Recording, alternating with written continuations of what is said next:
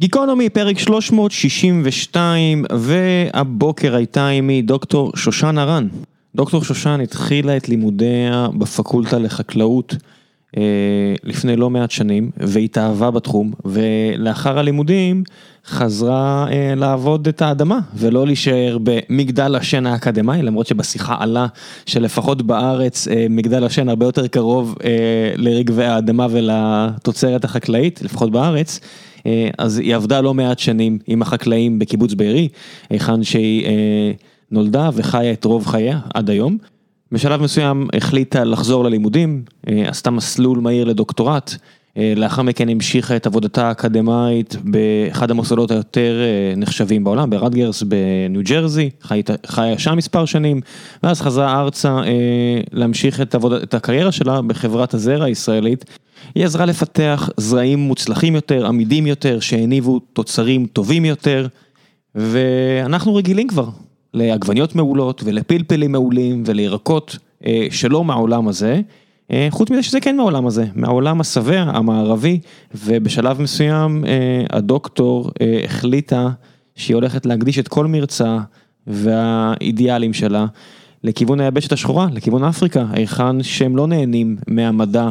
שהופך את התוצרים החקלאיים שלנו לטובים כל כך, והיא הקימה ביחד עם מספר אנשים טובים אחרים את העמותה Fair Planet, שמנסה לפתור את בעיית הרעב והעוני של חקלאים קטנים במדינות, המתפ... במדינות מתפתחות. כן, לא פחות מכך, לקח לנו איזה חצי שעה בפרק להגיע לנושא הזה, אבל מהרגע שהיא הגיעה, לא יכלתי שפשוט לסתום את הפה ולהאזין לה. אה, היא מדברת על עולם מקביל, אנחנו חיים כאן ויש לנו את הצרות שלנו עם הקורונה ועם... אה, כל מיני אתגרים שמדינת ישראל חווה, ולפעמים נחמד לקבל קצת פרופורציות, וזה מה שלגמרי הפרק הזה היה עבורי, לדעת שיש, לגלות שוב, מה זה לדעת? לגלות שוב שיש אנשים מעולים, מדהימים, שהם לא רק אנשי מקצוע ברמה הכי גבוהה שיש בעולם, אלא גם יש להם לב ענק ומוכנים לעזור לאנשים אחרים בצד השני של העולם, שיש להם כל כך הרבה פחות.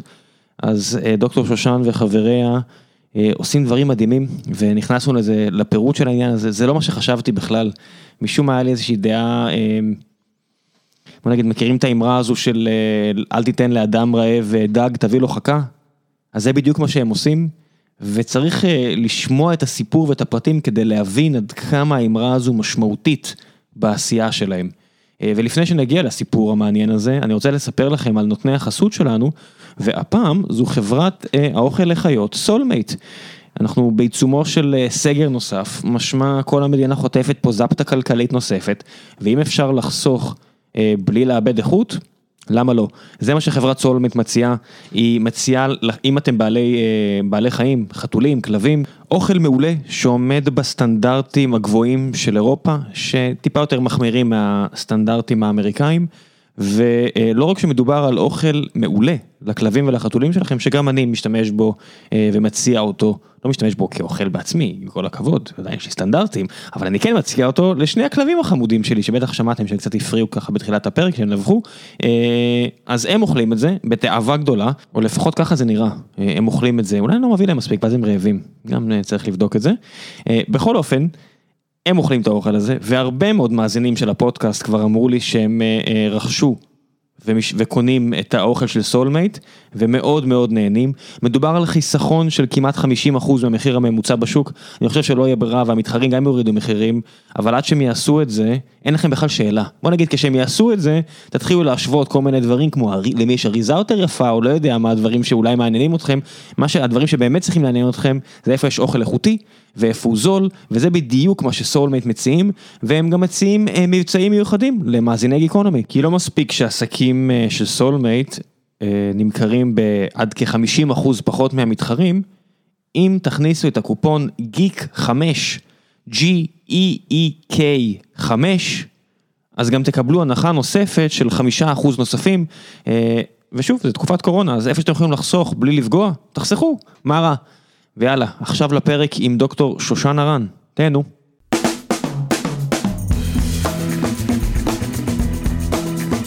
גיקונומי פרק 362 והבוקר אני נמצא עם דוקטור שושן הרן, שושן הרן. לא, איך? שושן, שושן. שושן?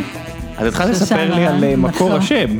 כי אני אמרתי לא, שאני... מקור השם הוא פשוט אה, אחות של אה, אבא שלי נפטרה בגיל צעיר, וקראו לה שושנה, הם עלו מגרמניה, ואז הם החליטו לתת לי שם עברי, אבל שדומה, זה שושן, שזה פרח.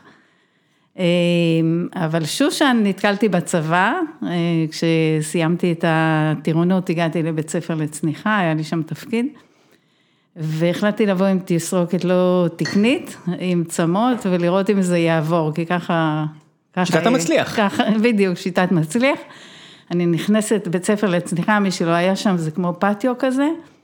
אתה נכנס, ואז אני שומעת צעקה, שושן, בוא פה. עכשיו אמרתי, מי מכיר את הש... כאילו, מה, כבר זיהו את התסרוקת וקוראים לי לזה. הסתבר שהרס"ר שם קראו לו שושן. והיו לי מה זה יחסים טובים איתו כל השירות, זה היה אני מבין שלא, שלא גזרו את העצמה. לא גזרו את הצמא וגם לא אמרו לי אף מילה, אז... אה, בסדר, שאת ככה במערכת יחסים עם, עם, עם הרס"ר, עם שושן. אה, בדיוק. זה עובד. אז זהו, אז אה, זה השם. והייתם כל הזמן, גם, גם עוד אז ב, באזור בארי? באזור... כן, אני נולדתי בבארי, ההורים שלי מהמייסדים, בת המקום, חברה בבארי. זאת אומרת, חקלאות לא זרה לך, כל האזור. לא, לגמרי לא, אני... זה מה שלמדתי בתואר הראשון, אחרי זה עבדתי בסודות של בארי, הייתי פקחית מזיקים, היה לי ג'יפ, היה לי מכשיר קשר, צוות ככה, חבר'ה על הכיפאק, קמים בארבע בבוקר. בפקולטה למדתי 81, 84, ואחרי זה חזרתי לקיבוץ והייתי אחראית על הגנת הצומח. איך נראה עולם החקלאות הישראלי אז? על הכיפאק, הרבה ידע, הרבה, אנחנו בקיבוץ, אז שטחים גדולים. נראה ממש מודרני, עם תמיכה מאוד חזקה של מערכת הדרכה, שזה חלק ממה שאני תכף נדבר עליו. עכשיו עושה בדיוק. אני מאוד נהניתי, אהבתי ביולוגיה בבית ספר, התלבטתי קצת בין ביולוגיה לבין אמנות, בחרתי בביולוגיה, עולם האמנות, לא אהבתי את השיח הזה. הוא פחות בארי. הוא, הוא פחות בארי, זה כן. נכון. לא, אבל נורא אהבתי ביולוגיה, זאת האמת, אז הלכתי לפקולטה לחקלאות, כי אנחנו חקלאים, ואחרי זה עבדתי בשדות של בארי. היה לי נורא נחמד, אני, זה עצמאות, זה רגע, בשטח. את, את קופצת, זה... את עוברת ממקום שאת מפקחת על אנשים שעושים את עבודתם, ואת קצת חוצה את הקווים לאזור רחובות, ואת עוברת לכל האקדמאים שיודעים להסביר לכל האנשים עם מכנסיים קצרים איך לעשות את העבודה שלהם, ו, וזה שוק תרבותי, זה... העולמות באמת, אני יודע ש... זאת אומרת, במכון וולקן... וולקני. המכון וולקני. כן, זה לא וולקן כמו אדמה, זה פשוט, כן. זה השם. גם שם אנשים עם מכנסיים קצרים, זה לא, זה לא האקדמאים הרגילים, לא, הפקולטה לחקלאות זה מקום מאוד מחובר לחקלאות, בטח בשנים שאני למדתי, שעוד לא היה את מה שאתה חי, את ההייטק, אז אנחנו חיים כן. את הביוטק. אז עוד לא היה... אגרוטק. האגרוטק, או כן. כל המילים האלה. אז היה הרבה יותר מחובר לשטח, גם הפרופסורים הכי, הכי מפורסמים או בעלי שם, היו מאוד קרובים לחקלאים ולחקלאות המעשית, המנחה שלי, או אפילו אני אקרא לו המנטור שלי, היה פרופסור אילן חטא, שהוא עסק בהדברה ביולוגית של מחלות קרקע, והוא בעצם, אני כבר קצת קופצת, כי תואר ראשון למדתי הגנת הצומח, אחרי זה חזרתי לקיבוץ והתרוצצתי בשדות עם צוות מובחר, ארבע בבוקר עד 12, רצים בשדות ואחרי זה חופש, בריכה. מה עושים 4 עד 12 שמגינים על הצומח? וואו, אתה מחזיר אותי. הגידול הכי אינטנסיבי בהגנת הצומח זה כותנה, צריך לשמור עליה, אז מתלבשים בבגדים כאלה נגד מים, כי הכותנה מלאה טל, ונכנסים, אתה נכנס ליער של כותנה ומתחיל לחפש. פגעים ומחלות בשיטות מאוד מסודרות, עם ספי תגובה, זה, זה מקצוע זאת אומרת מה, מחפשים... מאוד מעניין, אתה מחפש את הביצים של המזיקים, את הסימפטומית, את החורים שלהם, את הכתמים שהם משאירים, את הפגעים של הצמח, ולפי זה אתה מגיב ומזהה. ואז מישהו צועק, לא יודע מה, שבע בבוקר, שלוש שעות לתוך החיפוש, מישהו צועק, מצאתי משהו? מצאתי ואתה סופר, וברגע שמגיע לסף מסוים, אתה אומר, אתה מזמין מטוס. רגע, רגע, סופר מה? איך? סופר. סופר מה, למטר רבוע מזיקים? ל- ליחידת דגימה. אם זה דונם או מאה דונם, יש לך שיטה של דגימה של השדה בצורה מאוד אה, קונסיסטנטית, שזה מה שאני מלמדת עכשיו באפריקה, איך לעשות נכון, אבל... תכף נגיע. כן, אבל אני אומרת, אתה, אתה בעצם יש לך יחידת שדה או כמות צמחים, ואתה צריך ל, לבדוק מה אוכלוסיית המזיקים שנמצאת שם, אף פעם הדברים לא סטריליים, מדובר על שטח פתוח, ואתה לומד, אתה פשוט לומד את הסימפטומים, אתה לומד את ההתנהגות של המחלות, אם אתה יודע על אירלנד, אה, רעב תפוחי אדמה גדול. תפוחי אדמה, זה מחלה שנחשבת המחלה שמתפתחת הכי מהר על צמחים. והם לא איך זה נקרא? הכיר- כנימת ה... לא, לא, לא, לא, זה... אה, נו. עכשיו אתה... התקלתי. התקלת אותי עם השם. אה, אני מכיר את ההשפעות ההיסטוריות של זה. כן, לא, קודם כל זה מחלה, יותר מאוחר אני אזהר אם אני, אה, אזכר אם, אם אני אלחץ, השם יברח לי, אבל אה, זה מחלה שידועה בזה שהיא ההתפתחות הכי מהירה מבחינת אוכלוסייה. זאת אומרת, נגב אחד מתפתח ומייצר אלף נבגים בזמן מאוד קצר, והיא פשוט מתפשטת נורא מהר. אלא אם כן לא מכניסים אותם לסגר. אז מה? אלא אם כן מכניסים את כל התפוחי אדמה לסגר. לסגר, כן, תנסה. כן. אה, בכל מקרה, הרעיון הוא לנטר, למצוא את המחלה, לזהות אותה נכון, להבין אם היא מסוכנת או לא מסוכנת, ואז להגיב או לא להגיב לפי מה שמצאת. אז זה מקצוע, זה מה. שלמדתי בפקולטה. אני- חייב לעשות, זה כל כך מסקרן, אני חייב לשאול שאלות, חייב, לפני שרצים לאפריקה אין בעיה, ולאורה, אין בעיה. איך עושים את זה? זאת אומרת, זה רב הידוע על הנסתר או שזה הפוך? יש לך ספר מגדיר שכל דבר את יודעת להגיד, אוקיי, זה ככה, זה אפילו ככה? הבאתי לך את הספר שפיתחנו עבור אפריקה, אבל כן, אתה לומד את זה, זה קודם כל מקצוע, והיפה בישראל שהלימודים בפקולטה לחקלאות, ומן הסתם גם במקומות אחרים, הם הרבה יותר מחוברים לחקלאים עצמם. אחד הדברים שלדעתי מאוד קידמו את מערכת החקלאות הישראלית, שהחוקרים, לפחות בתחום החקלאות, הם לא במגדלי שן. הם מדברים עם החקלאי בגובה העיניים. הם לא, אין את המדרג של אני פרופסור ואז אני, אתה יודע, אני חשוב ו, ואני מוערך וכולי, ואתה חקלאי בתחתית שרשרת המזון, מגיע תרתי איזה משמע. מונסנטו או דופונט או לא יודע מה, איזה אקזקיוטיב ומוריד הוראות מלמעלה. לא, אני מדברת אפילו ברמת החוקרים. אם אתה מסתכל על העולם, אז הפרופסורים הם, הם באמת המוערכים וה... באמת בספרות העליונות, והחקלאים הם בתחתית, שר- הם מייצרים את המזון, אבל הם בתחתית שרשרת המזון האנושית לצורך העניין. אז בארץ זה לא ככה, לפחות לא היה ככה כשאני גם למדתי וגם עבדתי, ואז הידע מה, ממוסדות המחקר החקלאיים, וולקני, הפקולטה לחקלאות, האוניברסיטה העברית, על שלל אגפיה, הם הגיעו ישר אל החקלאי. החקלאי הוא משכיל, רוב החקלאים בארץ הם משכילים, והידע זורם אליהם ישירות, ואז היכולת שלהם לתגובה היא מאוד מהירה. למחלה קוראים קימשון אגב. קימשון, נכון. ידעתי שאני צריכה את ההתרחקות בשביל לחזור. אגב, אחד החוקרים המובילים הוא דווקא היה בבר אילן,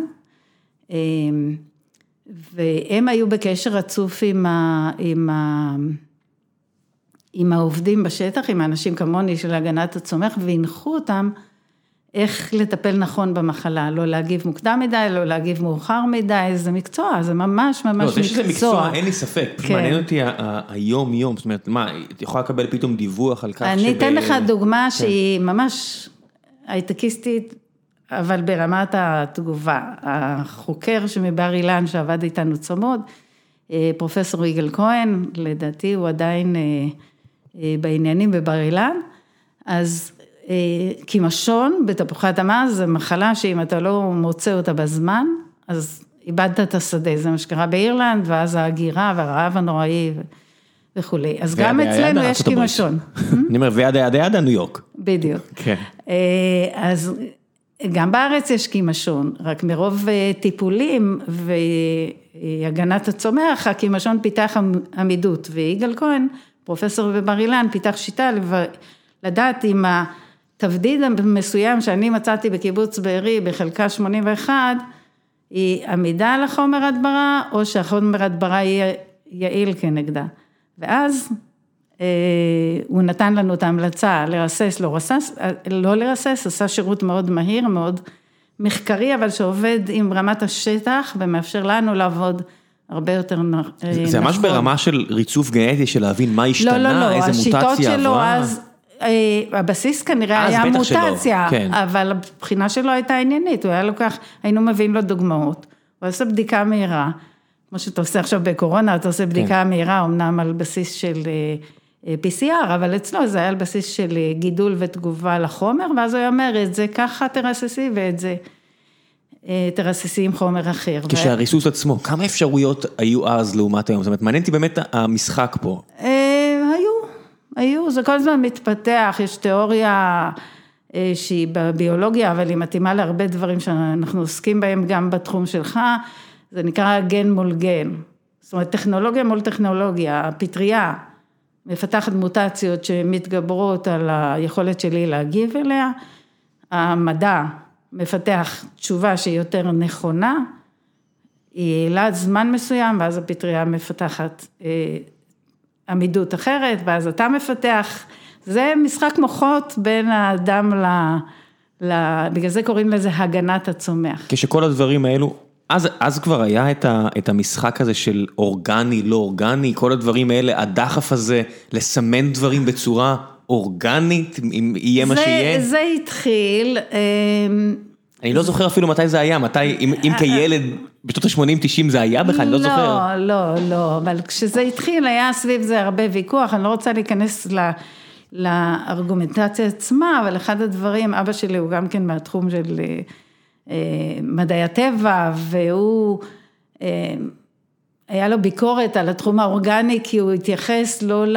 ל ליעילות והתועלת, אלא האם זה קיים בטבע או לא קיים בטבע, האם זה אורגני, זאת אומרת, זו מולקולה שמשתמשים בה כמו שהיא בטבע, או שעושים מודיפיקציה כזאת ואחרת. מה שאני אמרתי לו, אה, כל הנושא של האורגני הוא בעצם אה, נוצר, הוא בעצם יצר עולם חדש, אבל הוא גרם לכל האנשים, גם אלה שלא בתחום, לחשוב יותר על הדברה ולחפש פתרונות שהם יותר ירוקים, יותר ידידותיים, זאת אומרת הוא גרם לאנשים להיות יותר מודעים ומודעות זה דבר נורא חשוב בכל תחום וגם בתחום הזה. אבל מעניין אותי המשגה בכלל, שאומרים אורגני או לא אורגני, יש בכלל קשר לכימיה אורגנית, זה באמת קשור לפחמן, לא פחמן, כל לא, הדברים לא, האלה? לא, לא, ממש לא, אבל לדעתי תצטרך להזמין אותי עוד פעם על הנושא הזה. את אומרת רק הנושא הזה, רק זה... הנושא הזה, זה נושא לשיחה בפני עצמה. לא, אורגני, אם אני מבינה טוב, טוב את התיאוריה שלהם, הם אומרים מה שנוצר בטבע, אתה משתמש, למשל, את הביקורות, אבל אני ממש לא רוצה להיכנס ל... דקה, דקה אחת, אני סתם מסביר פה סקרנות וממשיכים הלאה, מבטיח. למשל, שימוש בגופרית ונחושת נחשב אורגני, כי זה חומרים טבעיים, אבל אני יודעת בתור אשת מקצוע שהם מאוד רעילים והם מאוד שאריתיים, אז באורגני מותר להשתמש בהם. את מביאה את כל הדברים האלו, את המיסקונספציות של העולם הקצת שבע, צריך להגיד את האמת, המערבי, כשאת מתעסקת עם אפריקאים?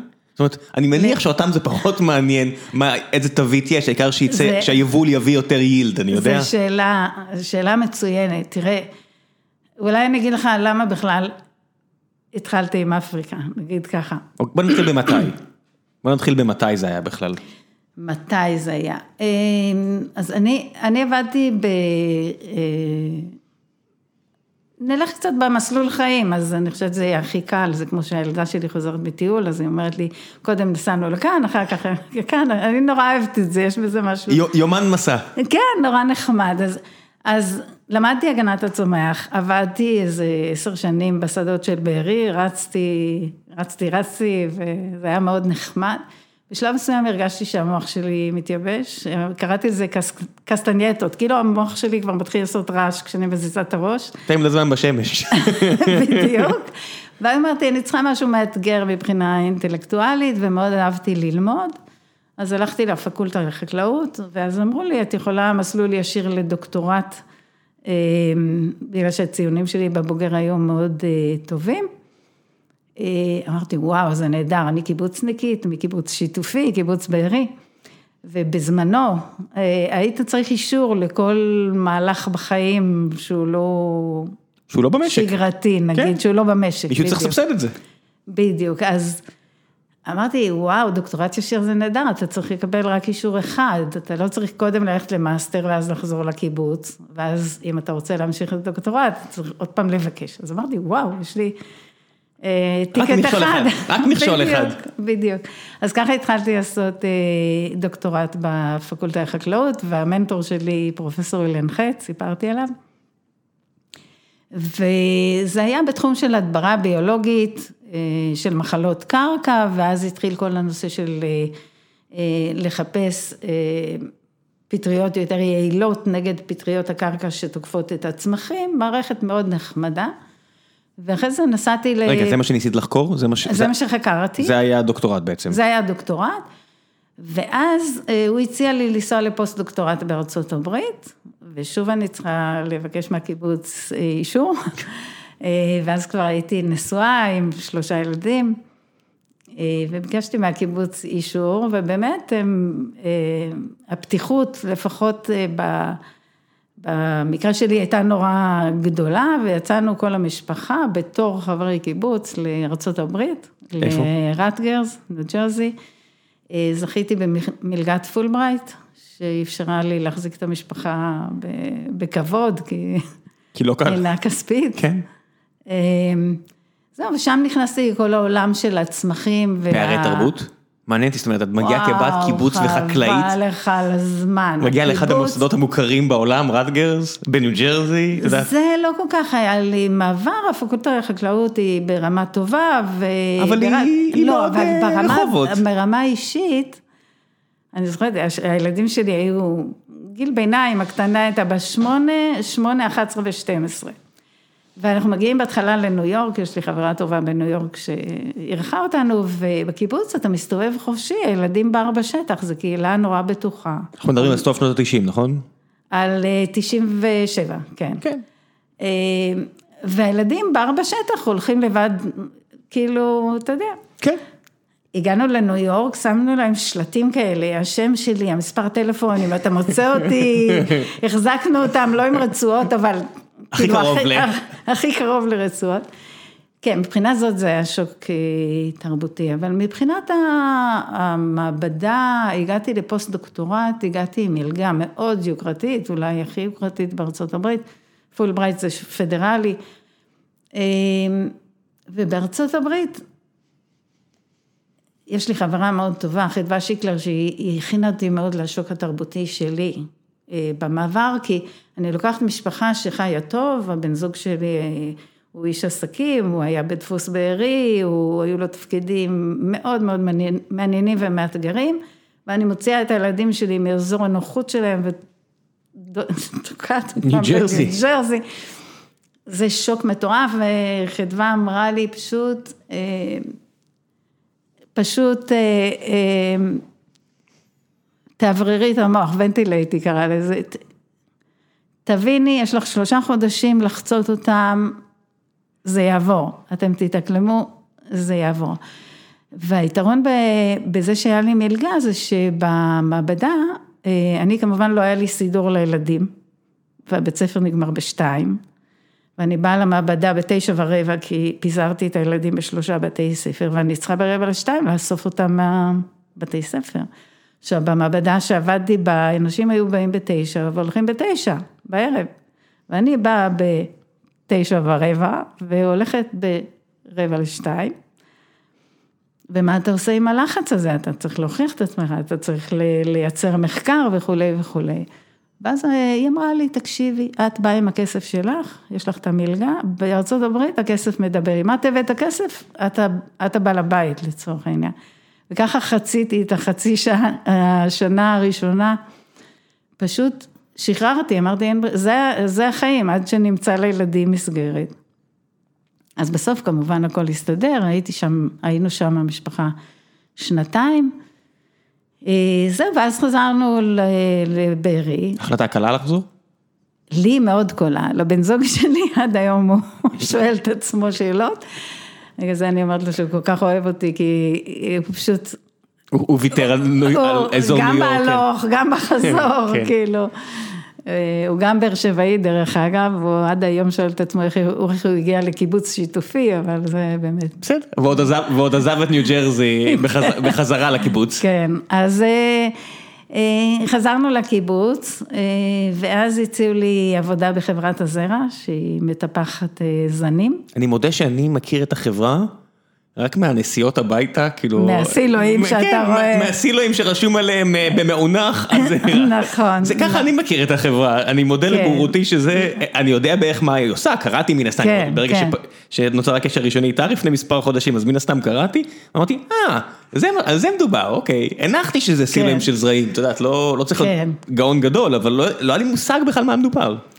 אז תראה, חבר, אה, חברת הזרע היא חברת הזרעים הכי ותיקה בארץ, היא נוסדה ב-1939, עוד לפני קום, המדינה, על ידי אה, התאגדות של חקלאים, שבעצם רצו לשפר את הזנים שהם משתמשים בהם. וככה זה התחיל בכל העולם, אני אקפוץ רגע לצרפת, חברת אה, ויל מורן, ויל מורן הוא שם של מטפח, בעצם החקלאים של האזור, אה, אזור גידול הדגנים בצרפת, רצו שמישהו ישפר להם את הזנים, והם פשוט שלחו אנשים לאוניברסיטה שילמדו גנטיקה של צמחים וטיפוח, וייתנו להם זנים יותר טובים. התהליך הזה קרה בהרבה מאוד מקומות בעולם. כאשר הטיפוח של הזנים היה טיפוח מקומי, אולי הוא היה לפתור את הבעיות של החקלאות של המקום. כן, צרפתים יגידו, את רואה, אני יודע, כל, כל מדינה והאדמה שלה והתנאים שלה והמזיקים ב- שלה. בדיוק, אז אתה בעצם צריך לפתור את הבעיות של החקלאים שלך, וככה זה התחיל, החקלאים שלחו אנשים ללמוד כדי שישפרו להם, וככה נולדה אה, הזרע. ובאופן אה, הדרגתי החברות נעשו בינלאומיות, חלק מהסיבות זה שאתה צריך להשקיע הון עתק במחקר. אה, זה כבר לא שיטות של הטיפוח על עיוור, לייצר כל מיני קומבינציות ולבחור מה יצא לי יותר טוב. כן, זה לא יש מנדל. הרבה, מה? זה לא מנדל. בדיוק, זה לא- שיושב ומחלק דברים אבל הוא היה בפיפט. גאוני כי הוא הבין, כי הוא כן. הבין את ה... זה- זה שהוא היה גאון, אני לא חושב שיש מישהו שחושב אחרת. בדיוק, אבל אה, בעצם חברות הזרעים, ככל שהן יותר התקדמו, הן היו צריכות להשקיע יותר בטכנולוגיות מתקדמות כדי להבין את הגנטיקות ולקצר תהליכים ולפתור בעיות יותר מורכבות. אה, ואז התחיל תהליך שבעצם אה, אה, חברות גדולות קונות חברות קטנות, כמו בכל העולם. עסקית. בדיוק. ותוך כדי שעבדתי בהזרע, חברת זרעים צרפתית, אחת הגדולות בעולם בתחום הירקות, קנתה בצורה הדרגתית את, את חברת הזרע, ואני הייתי אה, אחראית בהזרע על שיתופי פעולה עם גורמי חוץ, עם אקדמיות, עם חברות ביוטכנולוגיה, עם, אה, עם, ב, בכל העולם בעצם. חיפשנו אה, תכונות חדשות לצמחים, שישפרו את הביצועים שלהם, אם מבחינת יבול, עמידות למחלות, איכות, אה, צבע, טעם וכולי. יש, יש פה גם עניין של אה, חידוש של הקרקע, הרי אם עושים רק אה, גידול אחד, אז הקרקע לגמרי, נהרסת. לגמרי, אבל זה, את הידע הזה, זה ידע מאוד מאוד ותיק בעולם המפותח. קודם כל, שנת השמיטה באה משם, תחשוב איזה גאונות, הם אולי לא הבינו את התהליך, אבל הם, כן. הם ידעו לייצר את התוצאה. כן, בסוף יש נתרן וכל מיני חומרים שהופכים להיות מזון, ואם תיקח את כל המינרלים של הקרקע, מוציא- לא נשאר כלום. נכון, ועוד דבר, המחלות שמתבססות על אותו גידול, מחכות לגידול הבא. אז אם אתה מביא את אותו מזון שהן אוהבות, שזה הגידול הקודם, אז הם יאכלו אותו יותר מהר. כי זה כי הן מכירות. של, הן מכירות והן מתפתחות עליו. אם אתה מחליף גידולים, מה שנקרא מחזור זרעים, אז אתה בעצם אה, מפחית מאוד את הבעיות האלה. אבל זה עולה כסף. זה ידע, לא, זה רק ידע. לא, רק אני ידע. אומר, בסוף שרואים למשל את ה... לא יודע, המשבר הגדול שנות ה-20, חקלאים מאוקלאומה שנתקעים, אותו גידול אחד כי אין לה... חוסר ידע, זה חוסר ידע. זה לא עניין של כסף? לא, זה חוסר ידע, תכף נגיע לאפריקה, כי כשהגענו לאפריקה זה אחד הדברים הראשונים שראינו. זאת אומרת, מה שאתה בעצם מבין כשאתה נכנס לעומק בחקלאות, שההצלחה של החקלאי נובעת משני דברים בעצם, מיכולת להשתמש ב... בטכנולוגיות הכי טובות, אם זה זרעים, אם זה דישון, אם זה טכנולוגיות של השקיה וכולי, אבל לא פחות הידע החקלאי, ההבנה שלו את הגידול והיכולת שלו לנהל את המשק שלו בצורה מתוכננת כלכלית. אז אם נחזור לעזרה, אני הייתי שם אחראית על שיתופי פעולה עם גורמי חוץ, ודרך זה הכרתי הרבה מאוד חברות זרעים, חברות ביוטכנולוגיה, הייתי אחראית על ההסכמים, על הפטנטים, על הזכויות מטפחים, התחום הזה. מה שנתן לי ראייה מאוד רחבה של העולם הזה, לא רק החברה שאני נמצאת בה, אלא הממשקים שלה עם ה... עם ספקי הידע לצורך העניין, אוניברסיטאות ועם מתחרים ועם חברות ביוטק, שאז כפטריות אחרי הגשם, אם אתה זוכר, שנות האלפיים. זה הריצוף הגנטי, זה קלינטון עולה במדרגות, לא, מכריז שריצפנו את הגנום. מטורף, מטורף כן. מה שקרה בתחום הזה. ומרוץ חימוש מתחיל, מי ימצא את הזרעים שעברו מודיפיקציה הכי טובה. כן, אז אז אני הייתי שם בסביבה מאוד, אה, היה לי תמונת עולם רחבה, ובשלב מסוים החברה הצרפתית קנתה את הזרע, ומינתה אותי להיות אחראית על ועדת המומחים שלהם, הבינלאומית, לאיתור טכנולוגיות חדשות לצמחים. אה, בדרך זה אה, קיבלתי זווית עוד יותר רחבה על העולם הזה של. חברות הזרעים, התחלנו לנסוע להולנד, שם יש אה, חברת ביוטק מאוד מתקדמת, שהיו שותפות בה הרבה מאוד חברות זרעים כבעלים ומימנו את המחקר, קצת כמו ההתחלה של העולם הזה. אה, וקיבלתי נקודת מבט מאוד רחבה על מה שקורה בעולם הזרעים. עכשיו, עולם הזרעים, מה זה זרע? הזרע זה בסיס המזון בעולם. אם תחשוב על זה, כל מה שאתה אוכל... גם פרה בסוף מורכבת מהרבה אה, צמחים שגדלו מזרעים. שטיפחו אותם חברות הזרעים. בוודאי, קילו, קילו פרה שווה, לא יודע מה, 22 קילו אה, של צמחים שגדלו מזרעים. בדיוק, אז, ויש את הצמחים שאתה אוכל באופן ישיר כמובן. מעבר, לא, זה הטריוויאלי, בוא נגיד. זה הטריוויאלי, כן. בדיוק. אז בעצם תעשיית הזרעים, היא מפתחת את בסיס המזון בעולם. והאנשים שעובדים בה הם אנשים מאוד טובים מבחינתי, מחוברים לחקלאים, מתלבשים בכנסים, היינו נוסעים לכנסים, פעם בשנה היה כנס של כל התאגיד, אה, לימגריין זה קבוצת זרעים צרפתית, שמחזיקה 14 חברות זרעים בכל העולם, כולל בישראל. מתוכם לדעתי שבע או שמונה מתמחות רק בירקות, האחרות זה תירס, חיטה ודברים כן, כאלה. מי שלא יודע, תירס כבר בסיס פחות או יותר מתרופות ועד ל... לא יודע מה. אה, אחוז לא מבוטל מאמריקאים, מהבני אדם עצמם, הוא כבר המילן תירס. בדיוק. כן. אז... אה, לימן, זרעים, ירקות, פירות, את. כן, אז אני אומרת, אה, החברות קונות אחת את השנייה. ובעצם נוצרים מרכזי פיתוח ענקיים, קונסולידציה של כל העולם הזה, ויש עכשיו, אני לא רוצה להגיד מספרים כי זה משתנה כל הזמן, אבל יש חברות ענק שבעצם הן מפתחות ביכולות מאוד גבוהות את הזרעים לשימוש החקלאים בכל העולם, וזה כבר לא טיפוח מקומי, מה שסיפרתי לך על ההתחלה, אלא עכשיו יש חברה שיושבת לצורך העניין בצרפת, והיא מפתחת זרעים לסין, לארצות הברית, לאירופה כמובן, אה, לפי, לפי מפת השימושים לצורך העניין. אגב קונסולידציה של טעמים, זאת אומרת בסופו של דבר, אני לא יודע מה, נגיד תפוחי אדמה או פלפלים, יש כל כך הרבה סוגים. לא, זה לי... עדיין, עדיין זה הולך, זה, זה חלק מהעניין, בעצם כשאתה הופך להיות חברה שהיא מסתכלת בצורה גלובלית, אז אתה צריך גם להבין את הלוקאלי, כי בכל מקום רוצים משהו אחר, גם התנאים שונים, האדמה, המים, כן. המזיקים, המחלות, וגם הטעמים של האנשים. ועדיין אה, אייסברג כחסה, לא יודע, פעם היה חסות לא, יותר לא, טעימות, לא. ועכשיו בכל העולם זה אייסברג. לא, לא, לא? יש המון חסות, להפך, עכשיו יש חזרה להרבה מאוד שונות, אם תסתובב בשווקים בצרפת, כן. וגם בארץ כבר התחילו עגבניות צבעוניות וכל מיני כן, אז דברים. עגבניות באמת למשל לא, לא, חזרנו אבל גם כזה. חסות אפילו במרכולית של בארי כבר יש ארבעה סוגי חסה, באמת. אז בעצם החברות נהפכו גלובליות, אבל הטיפוח עדיין הוא מטפח לתנאים מסוימים. יש לך את שוק אה, דרום צרפת, שם התנאים הם כאלה ואחרים, אתה מטפח לתנאים של דרום צרפת, אתה מטפח לתנאים של, אה, של הולנד, או שלפי לפי המקום, וזה, המטפחים הם אנשים מדהימים באמת, וכל כל המערכת שעוטפת אותם. רק מה, בתור אדם שהוא, גם אני חושבת שזה מושפע מזה שאני קיבוצניקית עם תפיסה של קיבוץ.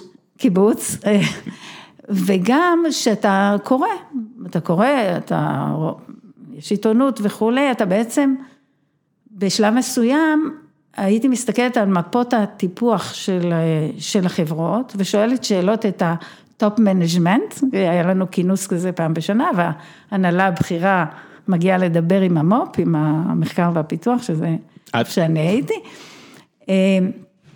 ואתה רואה שחיצי המאמצים, חיצי השיווק, חיצי הפיתוח, הם בעצם הולכים לעולם השבע. איפה שיש כסף.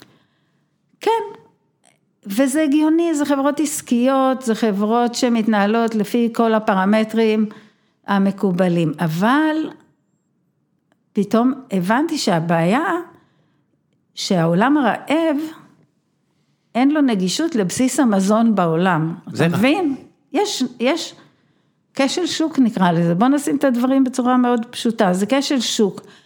כי עכשיו אני גם מבינה אותו הרבה יותר לעומק, אבל אז ראיתי את התמונה מלמעלה, בעצם זה, זה מה שקרה לי, אני יצאתי לאיזה חופש עם המשפחה בהודו, חופש מאפשר לך להתנתק מהדברים, מהשוטף, אתה יודע, כל אחד מאיתנו יש לו את המשימות של השבוע ושבוע הבא ועד החודש ועד הרבעון כן. ועד... וחופש מאפשר לך קצת גם להתנתק וגם לחשוב קצת אחרת. ואני לא יודעת אם זה קשור לזה שהודו בעצמה היא מדינה מאוד ענייה, אבל אני חושבת שזה יותר הניתוק מהיום יום, שפתאום אמרתי לעצמי, רגע, יש פה, יש פה בעיה. העולם המפותח כבר פיתח זנים באמת מדהימים, מגוונים לכל מיני סיטואציות ומצבים וצרכים של החקלאים, אבל כל הגודיז האלה לא מגיעים לעולם רעב. וצריך לעשות משהו. עכשיו, מה שקרה לי, בגלל שהתפקיד שלי היה מאוד בינלאומי, מאוד רוחבי, אז אמרתי לעצמי ככה, יש לי את הנטוורק, אני יודעת לדבר עם אנשים, אני באה מהמקצוע, אני מכירה אותם, אני יכולה לדבר איתם. יש לי את הקיבוץ ש, שיזרום איתי, וזה נכון, כאילו יגבה, ייתן לי את הרוח הגבית, ומה שאני צריכה לעשות זה לפתח מודל שייצר גשר בין הטכנולוגיות החקלאיות המתקדמות, לא רק זרעים, הידע, כל, כל המעטפת החקלאית, ההדרכה, לבין החקלאים העניים בעולם. עכשיו, איך אתה עושה את זה? אתה צריך להיות די משוגע, אבל היה לי תנאים מקלים. קיבוץ, שיתופי, אני צריכה להרוויח, אצלנו צריך להרוויח, יש תנאים, אבל ידעתי שהם התלהבו מהרעיון, וידעתי שייתנו לי את הגמישות, הייתי מחוברת לעולם שמפתח את הבסיס של המזון בעולם, וידעתי לדבר איתו, והבנתי את הבעיה, הבעיה היא שפשוט הם לא יודעים ואין להם שום נגישות לפתרונות שכל חקלאי בעולם משתמש בהם. זה קרה לך ממש באיזשהו רגע כזה יוריקה בהודו שאת מסתכלת על חקלאי או שזה סתם לא, לא, אני חושבת שזה היה תהליך הדרגתי, שאני, יש לי חברה מאוד טובה בלימגרן, זה גם סיפור, אחת הנשים הכי מדהימות שאני מכירה, באמת, מימיה טלב, שהיא בכלל מאלג'יר והגיעה לצרפת דרך זה ש... אפשר להגיע מאלג'יר לצרפת, אישה מבריקה, יש לה איזה 14 אחים ואחיות, או הגיעה לבד בגיל, אני חושבת, 18 לצרפת, ורק מכוח המוח שלה היא למדה, היא הצטיינה, והגיעה לעמדה מאוד בכירה ב Limagrain, ושם נפגשנו ונעשינו חברות. והיא סיפרה לך על, על צפון אפריקה ועל הבעיות שם? גם, ובכלל דיברנו על זה שזה לא פייר, שיש רעב בעולם, כשיש כל כך הרבה יכולות. אה, לגידול מזון בעולם. הרעב הוא אז מלאכותי. למה, יש יש לנו יכולת להכיל את כל העולם. כן, בפועל. הרעב הוא גיאוגרפי תרבותי, הוא לא, הוא לא תשתיתי, אבל בשביל ש... לגרום לטכנולוגיות החקלאיות להגיע לעולם רעב, אתה צריך מודל שהוא לא קיים כרגע.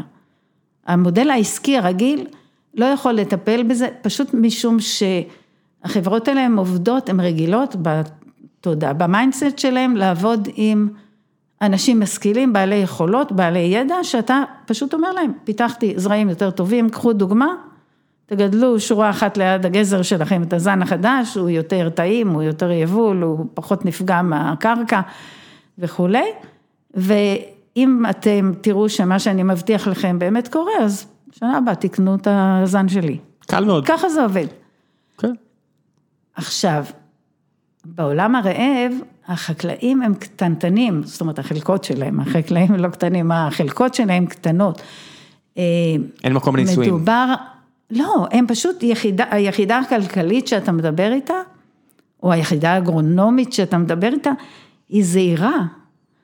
אם אה, מושבניק בישראל יש לו 50 עד 100 דונם, בסדר? ובדרך כלל הוא מתרכז בגידול ירקות אינטנסיבי, ולקיבוץ בארי יש נדמה לי 14 אלף דונם, בסדר? ארה"ב זה בכלל מגה כן. חקלאות, וגם בצרפת חקלאים גדולים. חקלאים גדולים. אז בעולם המתפתח, אה, ניתן לך דוגמה אתיופיה, כי שם אני מכירה את המספרים, באתיופיה יש 104 מיליון אנשים, 85 אחוז מהם גרים באזורים כפריים, יש שם 12 מיליון חקלאים, בישראל יש ויכוח עם אה, בין 5,000 ל-15,000, אז בישראל הם מייצרים את כל מה שצריך במדינה ומייצאים, ובאפריקה 12 מיליון חקלאים לא מצליחים לייצר אפילו את האוכל של עצמם. זאת אומרת, הם רעבים, החקלאים רעבים, לא רק המדינה רעבה, החקלאים רעבים. כן. ולמה? כי אין להם נגישות, לא לידע, לא לזרעים, הם לא עובדים כאילו זה מאה לשיטות ה-18. השקיה. הם משתמשים בחקלאים שהם, בזרעים שהם מוסיפים בעצמם. שאלת אותי על המחזור זרעים. אין להם ידע אלמנטרי בחקלאות, אבל הם אנשים שחיים מהקרקע שלהם, אז מה הם עושים? הם מגדלים בשביל לאכול. אז הם מגדלים כאילו את מה שזה נקרא subsistence farming, אה, חקלאות קיומית. אתה, יש לך, בממוצע לחקלאי באתיופיה יש בערך הקטר, שזה עשרה דונם. אז הוא מגדל מה שהוא צריך, קצת מחליף בשוק, יש לו קצת יותר מזה, קצת פחות מזה, וכשיש לו שנה רעה, אה, מבחינה אקלימית, או מזיק, או מת. מה, אז הוא רעב. רעב באתיופיה, זה היה בשנות רעב ה-90, באתיופיה. היה בשנות ה-80, 90. כן. עזוב, אנחנו גדלנו בקיבוץ שאתה, אסור לך להשאיר אוכל אה, בצלחת, כי באפריקה מתים אנשים מרעב. אתיופיה, מה זה באפריקה? כן. יש מדינות, את יודעת, היום אתיופיה נחשבת לאחת המדינות היותר בסדר באפריקה, אבל גם שם היה רעב. לגמרי. אז אמנם זה סיבות גיאופוליטיות, וזה לא בדיוק רק חקלאות, אבל עדיין. אבל גם עכשיו, אה, לפחות באזורים שאנחנו עובדים, אה, זה לא רעב במובן שיש בטן נפוחה וכולי, אבל יש אה, אה, תת, תת חוסר ביטחון תזונה, קולינרי, חוסר, כן, בדיוק, קלורי. חוסר ביטחון תזונתי קיצוני. ובאמת שהתחלתי לחשוב על איך פותרים את ה... איך, איך מייצרים את הגשר הזה, איך פותרים את הכשל שאין קשר, שלחקלאים הכי עניים, הכי רעבים בעולם, אין נגישות לבסיס ייצור המזון בעולם ולידע. אמרתי, צריך לעשות משהו. והרעיון היה בעצם אה, להקים את העמותה, שהיא נקראת Fair Planet, שכשמה, כן, היא רוצה לעשות אה, שוויון, הוגנות בסיסית, שלכולם יהיה נגישות לידע ולטכנולוגיות, זה הרעיון. עכשיו, איך עושים את זה? אמרנו, החקלאים שם הם מאוד קטנים, ותשומת הלב שאתה צריך להשקיע בחקלאי כדי אה, להעביר אותו ממצב של חקלאות קיומית על, על סף אה, חוסר ביטחון תזונתי, למצב שהוא כמו כל חקלאי בעולם. חקלאים. בעולם, מה? מוכר את העודף. בדיוק. איך, איך חקלאים בעולם המפותח הם בעצם אנשי עסקים שבחרו לעסוק בחקלאות. זאת אומרת, הם מסתכלים על החקלאות שלהם בתור, הם מייצרים מזון, אבל הם מייצרים מזון בשביל להרוויח כסף.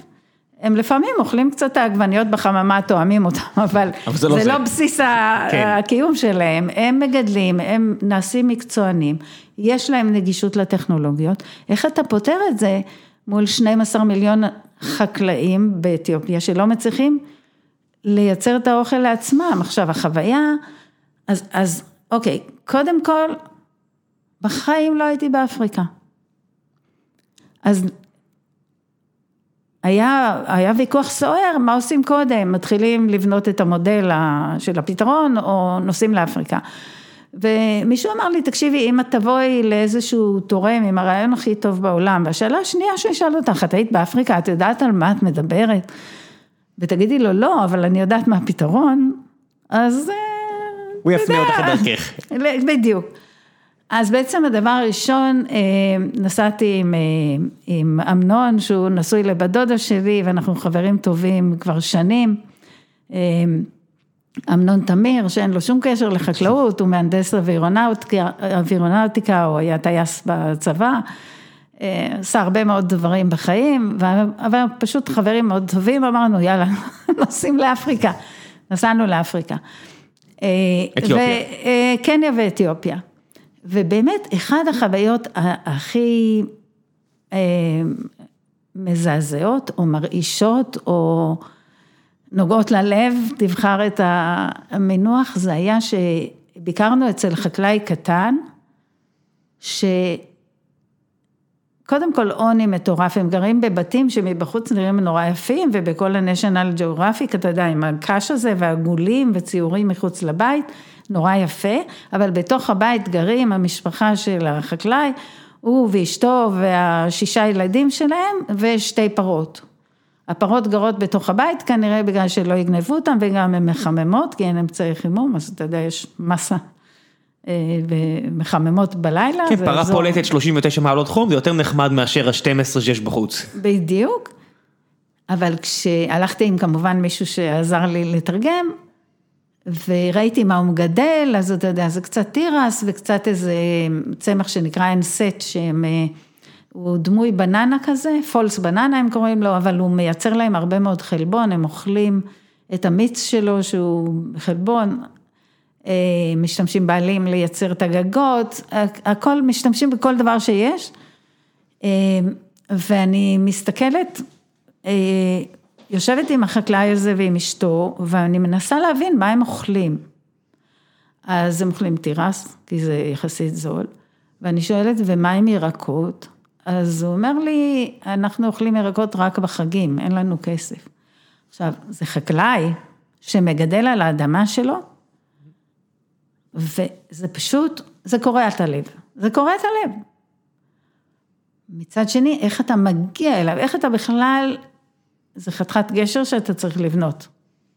בין התעשייה או בין הטכנולוגיות הכי מתקדמות בעולם, לבין, הוא לא יודע קרוא וכתוב, אין לו כסף. זאת אומרת, זה בן אדם שנלחם את מלחמת הקיום. לומר שתהום פעורה ביניכם זה understatement גדול מאוד. לגמרי.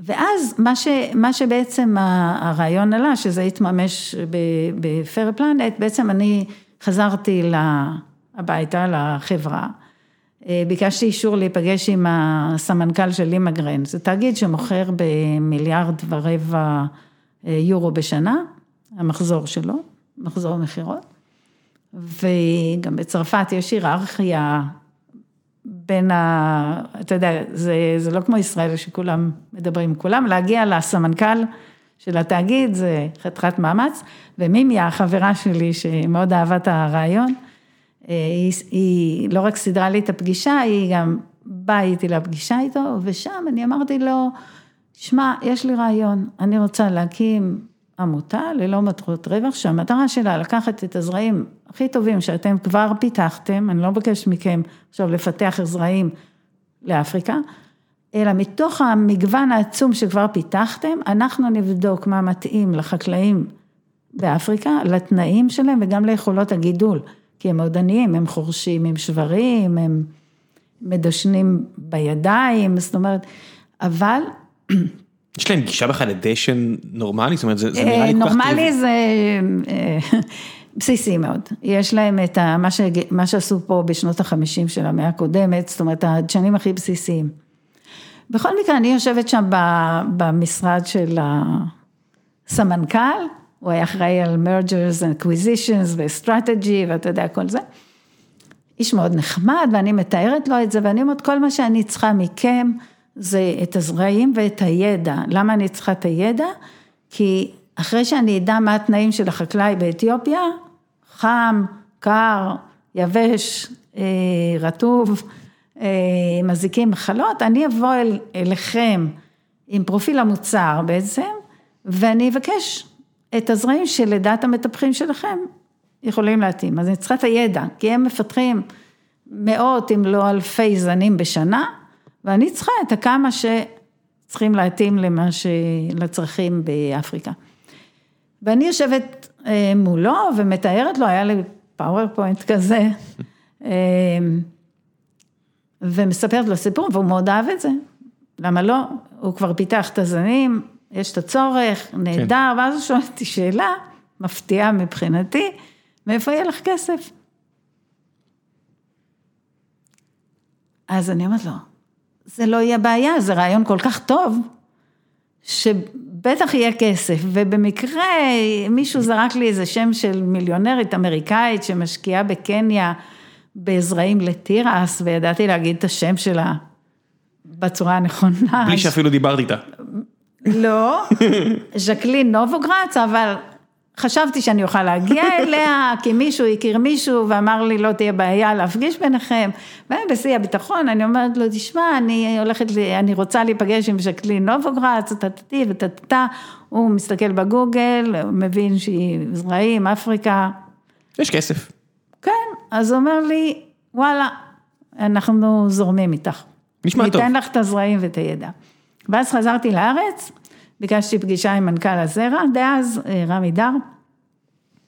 באתי לפגישה ואמרתי לו, אה, תשמע, אני החלטתי להתפטר, אבל תקשיב מה אני הולכת לעשות. וסיפרתי לו את כל הסיפור, ולזכותו ייאמר, אה, הוא אישר לי letter of intent, שבו הוא אמר, הזרע ועוד קבוצה שהזרע הייתה בעלים שלה בהולנד, אה, ייתנו לך, אנחנו ניתן לך את הזנים ואת הידע, אה, ונהיה שותפים שלך, וזה בעצם היה הקניין הרוחני הראשון של פייר פלנט, עוד לפני שהוקמנו. אבל היה לי מכתב חתום על ידי מנכ"ל של אה, חברה, שאומר, אנחנו נשתף פעולה. מה ה-IP פה? זאת אומרת... ה-IP זו שאלה מצוינת, אני, בגלל שאני הייתי אחראית על ה-IP בחברת הזרעים, אז ידעתי מה יכאב ומה לא יכאב להם, מה, מה קל להם לתת ומה קשה, ובניתי את כל המודל סביב משהו שהוא מתאים להם. זה ממש IP שנרשם איפשהו? כן, יש זכויות מטפחים, יש, יש, יש גם הגנה. 18 שנה, 19 שנה, תלוי באיזה מדינה.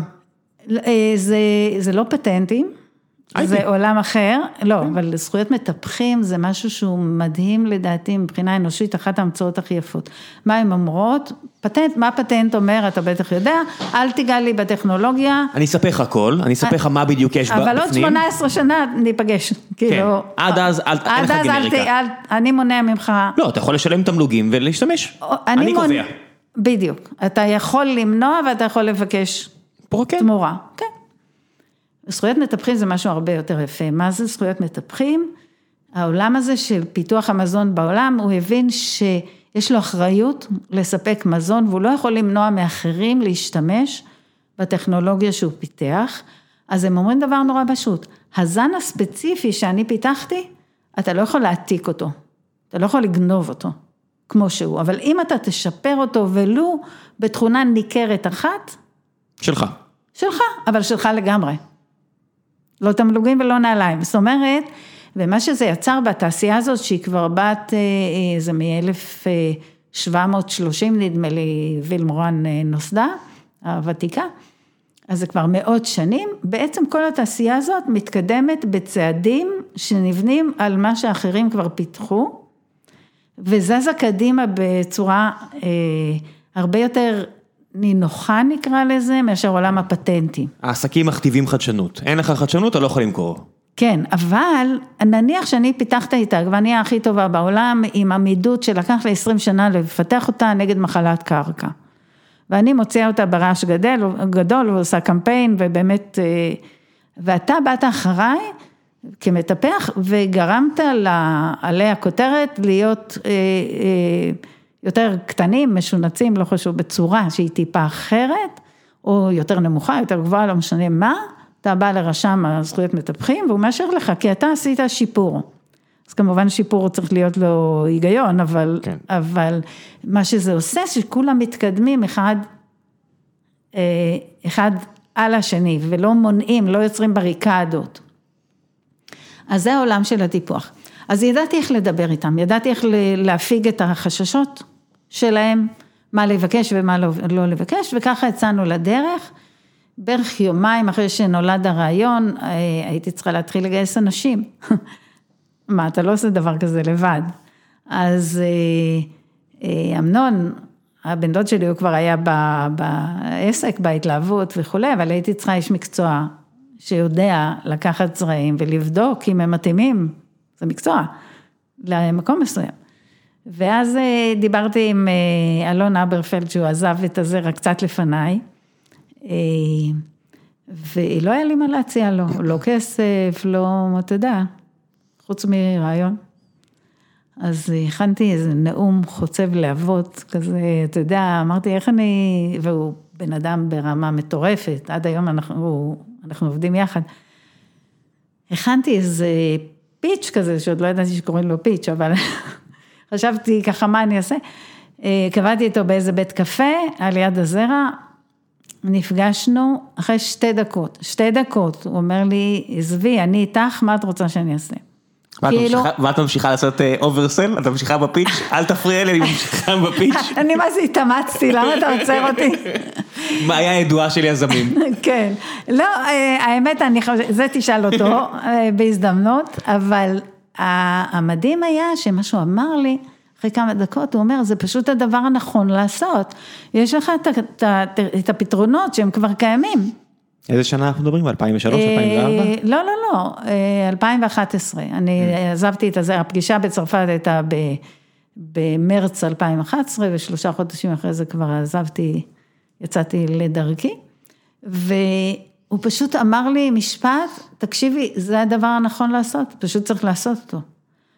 הפתרון נמצא במקום אחד, הבעיה במקום אחר, צריך לקחת אנשי מקצוע שיעבדו לא למטרות רווח, כי זה מודל, תכף נדבר על זה, שאתה לא יכול להסתכל עליו, בטח לא בטווח הקצר, כמחולל הכנסות, צריך לגשר את העולמות האלה של הידע בחקלאות, של הפתרונות בחקלאות ולהביא אותם לעולם הרעב.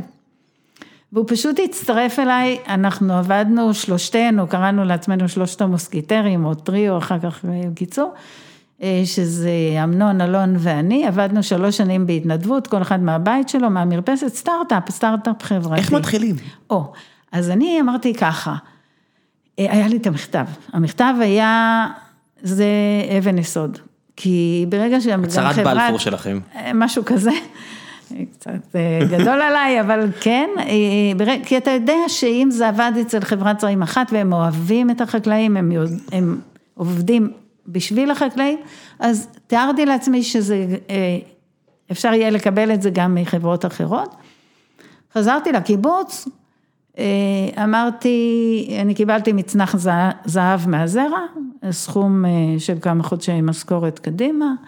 ושכנעתי את קיבוץ שזה יהיה הסיד מאני לסטארט-אפ הזה.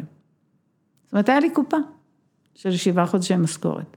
מה הקמתם רשמית? עמותה? חברה? עמותה. עמותה. רשמנו עמותה עד היום. אה, אז שכנעתי את הקיבוץ, והקיבוץ היה עוד יותר נחמד אליי, הוא גם הסכים להוריד לי את המשכורת, הרי אני מביאה משכורת, אמרתי לך, זה קיבוץ שיתופי, אבל כולם צריכים... to pitch in, בטח. כן. אז אם היה לי משכורת מאוד מאוד טובה בהזרע, אז הוא הסכים להוריד אותה למשהו כמו 20 אחוז לחצי שנה. זאת אומרת, הוא גם נתן לי את כל הכסף, בקיבוץ שיתופי, כל הכסף נכנס לקופה, אז הם הסכימו שזה יהיה הסידמן של העמותה, וגם ויתרו לי על אה, משכורת. על, על, על החלק שלך. וזה בהכנס. נתן לי לרוץ בהתנדבות, אבל יש לך הוצאות, להתחיל לנסוע לאפריקה, להתחיל לנסוע לעוד פגישות עם חברות הזרעים. אז תוך, אני חושבת, מספר חודשים קטן, צירפנו, אמרנו את לימגרן, זו החברה הצרפתית, סינג'נטה, חברה שוויצרית, היו לי קשרים עם החברה, ואנזה, חברה הולנדית, ועכשיו יש לי שלוש חברות זרעים עם, עם פתרונות מצוינים, והתחלנו לנסוע לאפריקה. נסענו לאתיופיה, ובאתיופיה פגשתי שליח משאב, אביחי אילן. למה דווקא אתיופיה במקרה? אז לא, נסענו לקניה ולאתיופיה. א', בקניה מאוד מסוכן להסתובב. בן אדם לבן. יש, יש מקום באפריקה שלא? אתיופיה לא מסוכן, אתיופיה לא מסוכן. אנחנו, היו לנו כבר 164 מתנדבים, תכף נספר לך על המתנדבים, כי הם לב העשייה. אבל היו לנו, אנחנו כבר באתיופיה שמונה שנים בשטח. חוץ מפילוח כזה, כיוס של כסף שמישהי הוציאה. זה גם בארץ יכול לקרות. זה מה שאני אומרת. מה זה יכול? קורה. כן, במובן הבין אישי, כלפי זרים, אין, אין אלימות, אין תחושה שאתה, בקניה אתה סוגר את החלונות, החלונות כהים, אתה, בקיצור, לא מתאים. באתיופיה, פגשתי שליח משאב, משאב זה זרוע סיוע של משרד החוץ הישראלי, שיש להם פעילות בינלאומית, ואני הכרתי אותו, כשעבדתי בהזרע, הוא היה מנכ"ל ראש הנקרא, תרביות ראש הנקרא, הכרתי אותו, ושמעתי שהוא באתיופיה, אמרתי, אביחי, בוא ניפגש, יש לי רעיון, הוא הגיע לביקור בארץ, ישבתי עם אבשל, הבן זוג שלי, וסיפרנו לו את הסיפור, הוא נורא התלהב, הוא אמר, יש לי אתר באתיופיה שהוא מתאים, אני אתן לכם את התשתית הפיזית, הקרקע, העובדים, התשתית המשפטית, כאילו, אתה לא יכול לבוא סתם, להתחיל לעשות משהו. לא, הממשל יכול לשאול אתכם מי אתם. בוודאי. אז הוא נתן לנו את האופרציה ואת המעטפת המשפטית הנכונה לעבוד, והתחלנו לחשוב איך עושים, כמה קרקע, תוכניות, זה, בינתיים אספנו מידע על הצרכים של החקלאים באתיופיה, איזה ירקות הם רוצים. למשל, אני אתן לך דוגמה. כמה שזה מדינה ענייה, הם רוצים עגבניות מאורחות, לא עגולות, שהם 100 גרם לפחות. מה? אתה אומר מפונקים, נכון? לא, אני, אני לא יודע, אני, אני אפילו לא יודע באיזה זה עגבניות תמר. כן, כן, אני אפילו לא יודע להשתמש באיזה שם תואר להשתמש, מה, מה קורה פה? יש תרבות אכילה, גם לך. בוודאי. אבל גם להם, הם רגילים לקנות עגבניות תמר. עכשיו, כשהם מסתכלים על עגבניות אחרות, הם לא מכירים, אולי הם ירקבו להם תוך יום, לא יודעת, הם... אז אנחנו בעצם מה עשינו, ברמה הזאת למדנו את הצרכים של אתיופיה, מה, של האזור המסוים שהחלטנו לעבוד בו, מה הטמפרטורה, מה הקרקע, מים, מחלות, מזיקים, ואיזה טיפוסי ירוק, ירקות רצויים בשוק. אז בעגבניות, אתה יוצר פרופיל, מוצר, אנחנו קוראים לזה, שיש בו, אני יודעת מה, 15 תכונות, בין היתר, איך נראה הפרי. אדום, ארוך, מעל 100 גרם ליחידה. מוצק, חיי כן. מדף, וכולי וכולי. איזה עמידויות יש לו, הוא עמיד לאיזה מחלות, וכולי וכולי. בצל, הם אוהבים בצל אדום, לא אוכלים שם בצל לבן. באדיס יש הכל, אבל אני מדברת על השווקים ה... לא נמכר. בפריפריה, לא נמכר. פלפל, הם אוהבים פלפל חריף. שזה אגב הגידול הכי חשוב באתיופיה, פלפל חריף. אני כאילו, אני מצטער, אני רק חושב, אני אומר, אבל הוויטמין C נמצא בשני, אני יודע מה, אתה צריך ויטמין C, אתה אוכל ברמה הכי פרקטית. פלפל חריף, אני אגיד לך למה הם צריכים, אם תחשוב, כל המדינות החמות והעניות אוכלות אוכל נורא חריף. הודו, אתיופיה, סין במקומות הרלוונטיים, למה?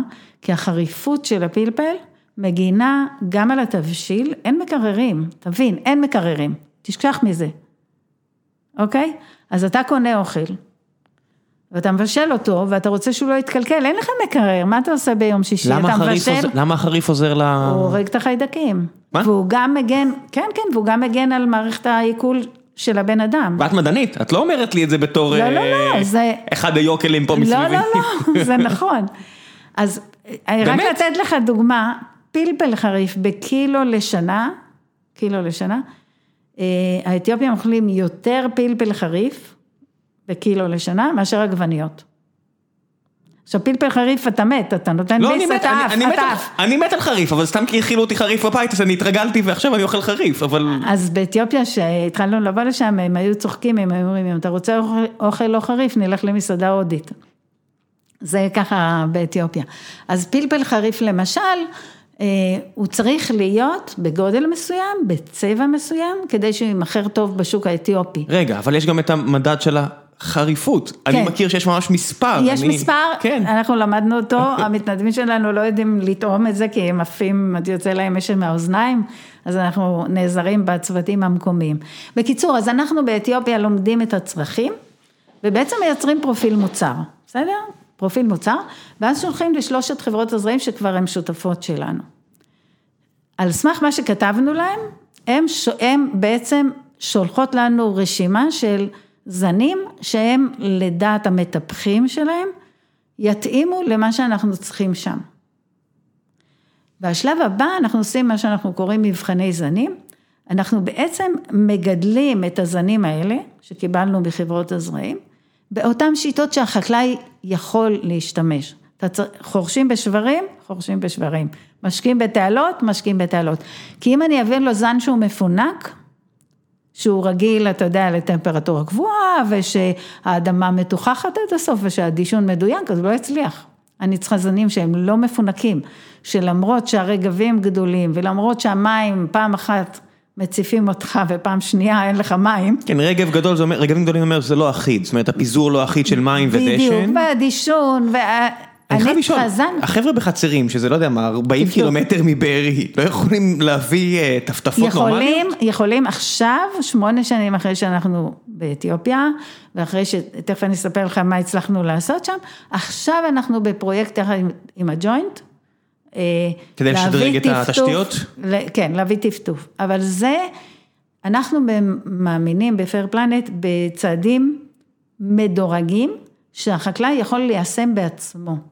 עכשיו, מה היופי בזרעים? שכל הידע נמצא בזרע. אתה רק צריך לגדל את הצמח.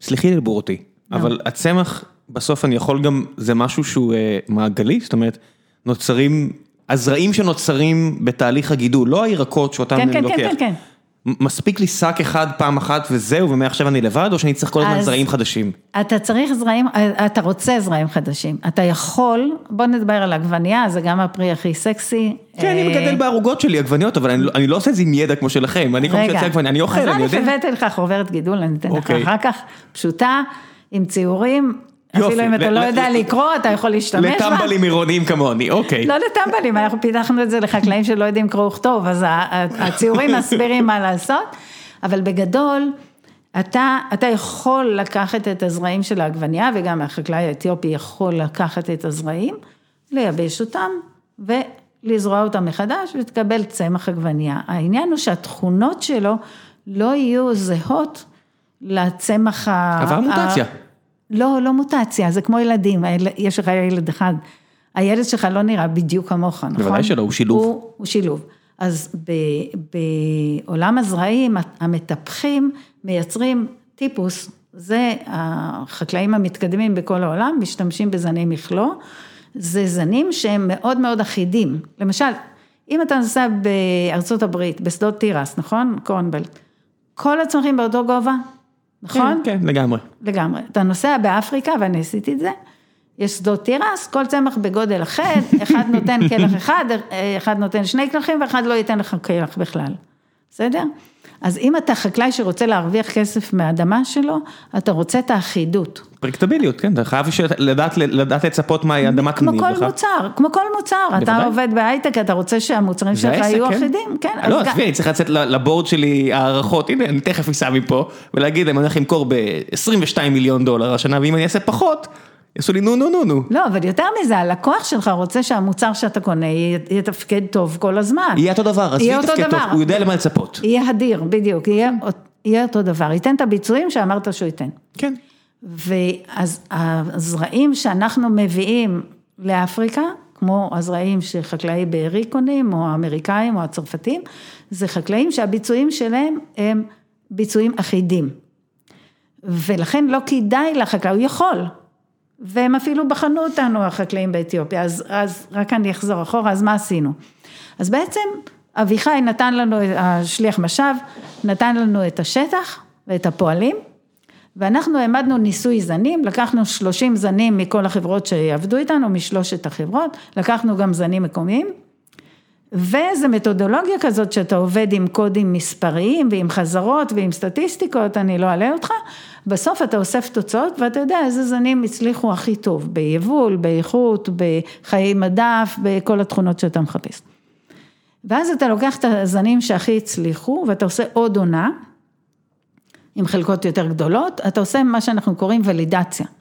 אתה בודק שזה לא היה מקרי שהמזג אוויר היה במקרה לטובת אחד או אחר, אתה עושה עוד פעם את הכי טובים, וכבר בעונה הראשונה אנחנו ראינו שהפוטנציאל להגדלת היבול הוא פי עשר, באותה עבודה. סדר גודל באותו, על, על אותו קרקע. על אותה קרקע. עכשיו נכון, אנחנו, אה, זה, זה גם כן סיפור מצחיק. אנחנו עוד לא היה לנו מודל של עבודה, אז אביחי נתן לנו את הקרקע ואת הפועלים, אבל אנחנו צריכים מישהו שיבין מה אנחנו עושים, וכסף אין לנו וכולי. היו אה, שני חבר'ה מהאזור, אחד מבארי ואחד יאיר כץ, שהוא הביא אותי לגיקונומי, אה, והם אמרו, אנחנו רוצים להתנדב אצלכם, אמרנו, מה, אין תשתית, אין כלום, הם אמרו, לא, אנחנו עשינו שביל ישראל. אנחנו יודעים לישון בשטח, יש שם נחל, שמענו שיש נחל בכפר הזה שאתם עובדים, אנחנו נשים אוהל ליד הנחל וננהל לכם את השדה. לא מיינטננס. כן. אמרתי, אוקיי, ובאמת ככה הם יצאו, הם יצאו שני חבר'ה, אה, לאביחי היה שם איזשהו משרד שהאיש המקומי היה, הוא כל כך התלהב מהפרויקט שהוא פינה לנו חדר, הם גרו בחדר הזה ליד הנחל וככה יצאנו לדרך, הם גידלו את השדה ואנחנו יצרנו קשר עם החקלאי בעיניי הכי טוב בארץ בגידול עגבניות, ארז גוזן, הוא חבר, חבר ילדות של, של אבשל, הבן זוג שלי, אה, ואמרנו לו, תקשיב, אנחנו צריכים לגדל עגבניות, אבל עם חריש בבהמות, אה, שברים, אה, בשטח פתוח, אין מדשנות, אין טפטוף, בוא תגיד לנו איך עושים את זה. היתרון של ארז גוזן, שהוא חקלאי בכל רמ"ח עבריו, הוא פשוט, אני קראת לו הלוחש לצמחים, כמו שיש הלוחש לסוסים, הסרט הזה, יש סרט כזה? כן, כן. אז הלוחש לצמחים, הוא מסתכל על צמח, הוא מבין מה הוא רוצה. כן, אבל הוא מבין מה הוא רוצה מ-121, או לא יודע, 120, פה מדובר פה על... לא, אבל הוא מסתכל על הצמח, הוא מבין מה הצמח רוצה. אה, מה חסר לצמח? מה חסר לצמח, או מה יש לו יותר מדי. ואז הבאנו אותו פשוט לאתיופיה, לחלקה, והוא בעצם פיתח לנו פרוטוקול גידול, שחקלאי קטן ועני מאוד יכול לגדל, עם הידע הכי מתקדם בעולם, לצורך העניין הידע הישראלי בגידול, עם הזרעים הכי מתאימים, כבר מצאנו מה מתאים, והוא פיתח פרוטוקול גידול שמתאים לחקלאים קטנים. וככה המתנדבים שלנו גידלו עם ניהול מרחוק, אני חושבת שאז התחיל הסקייפ, 2012, 2013, אה, התחילו, הוא, הוא היה, אני הייתי יושבת בבית שלי, הוא בבית שלו, הם באתיופיה, וכשיש אינטרנט, הוא אומר להם, תוסיפו דשן, תורידו דשן, תצלמו לי את הצמח, ככה, ככה הוא פיתח את הפרוטוקול, זאת אומרת, הוא היה בא, אבל הוא אדם מאוד עסוק, והזמן שלו מאוד מאוד מאוד יקר. לא מבחינת הכסף, אבל הוא לא יכול לעזוב את המושב, את החממות שלו. אז הוא היה בא אה, מדי פעם, בודק בשטח ומנחה אותם כמעט ברמה היומיומית. אני מודה שבשלב מסוים חשבתי שאני שוחקת את החברות האמיצה עד כלות, אבל האמת, כל הכבוד לו. באמת, הוא עזר לנו לפתח את הפרוטוקולים. לכמה אנשים? אמרת 15 מיליון חקלאים באתיופיה. 12. 12. 12 מיליון. אז זהו.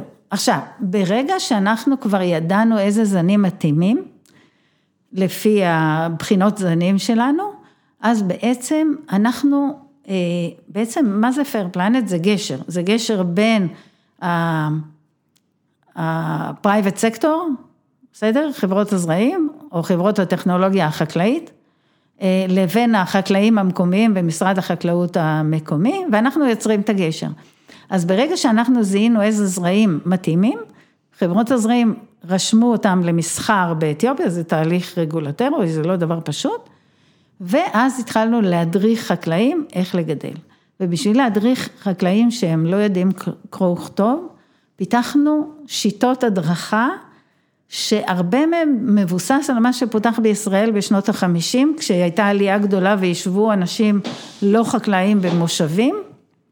כן, מאזורים אחרים באפריקה, אפילו, כן. כן. חבר'ה הגיעו מצפון אפריקה והיה צריך אה, לעזור להם. בדיוק, ואז מה ישראל עשתה, ולצערי זה מאוד ירד עם השנים, היא בעצם עשתה שירות הדרכה שמגיע אל החקלאים לחלקות שלהם. לא הסתפקו במגדל השן, מכון וולקני או הפקולטה לחקלאות, אלא מדריכים חקלאים, שירות ההדרכה והמקצוע הזה נקרא, הם היו מגיעים כל שבוע לשטח. כן, ככה ואני היה... בתור חקלאית בבארי, היו באים מדריכים, ואני עוד הייתי משכילה, למדתי תואר ראשון בתחום שאני עובדת פה, אבל הם היו מביאים אליי את כל החידושים וההמצאות והידע שפה יש התפרצות ושם צריך לעשות ככה, ואיזה מחקר חדש.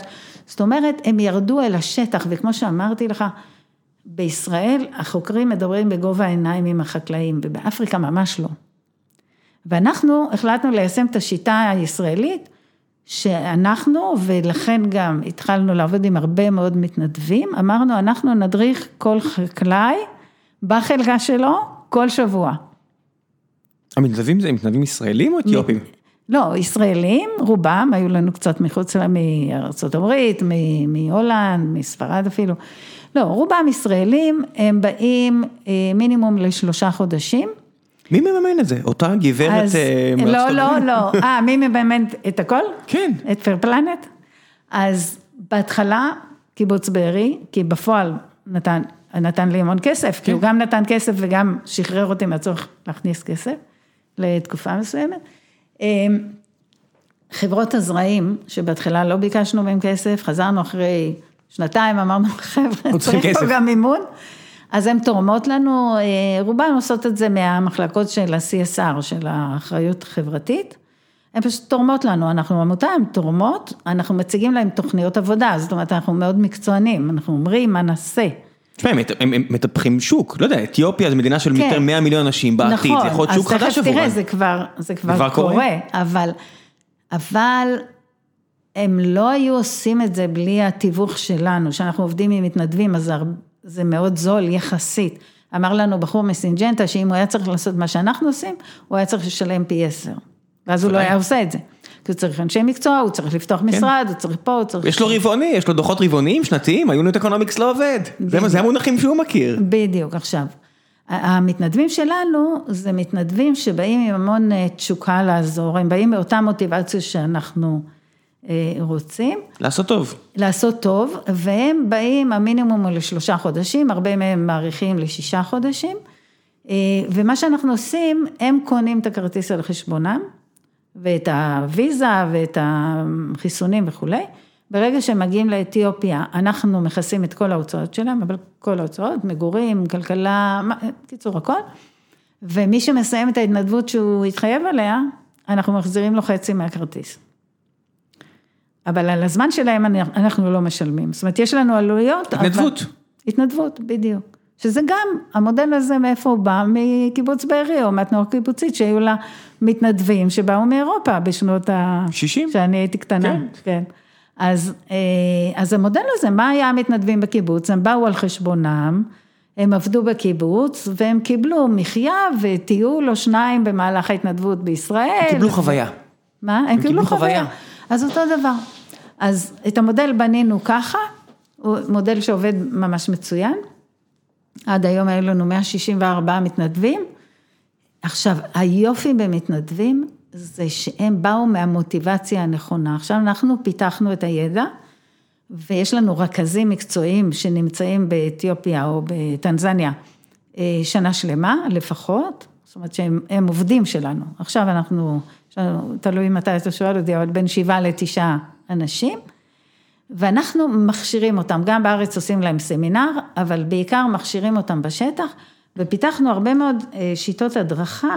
אחד הדברים שרציתי להראות לך זה אמ, איך אתה מנחה חקלאי אתיופיה לעשות אה, דישון מדויק, כשהוא לא יודע מתמטיקה, הוא לא יכול לחשב, קילו לדונם זה מושג אבסטרקטי, אין לו משקל, והוא לא יודע לעשות חשבון, הוא לא יודע קרוא וכתב, לא יודע חשבון.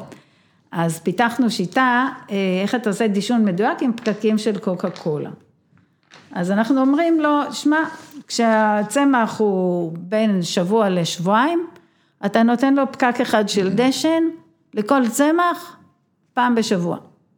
בסדר? היא מראה לי, אני מסתכל פה על על על על התמונות, זה- זה באמת אה, ציור של אה, פקק, של קוקה קולה, של של בקבוק זכוכית קוקה קולה, עם אה, כמות מסוימת של דשן בתוך הפקק.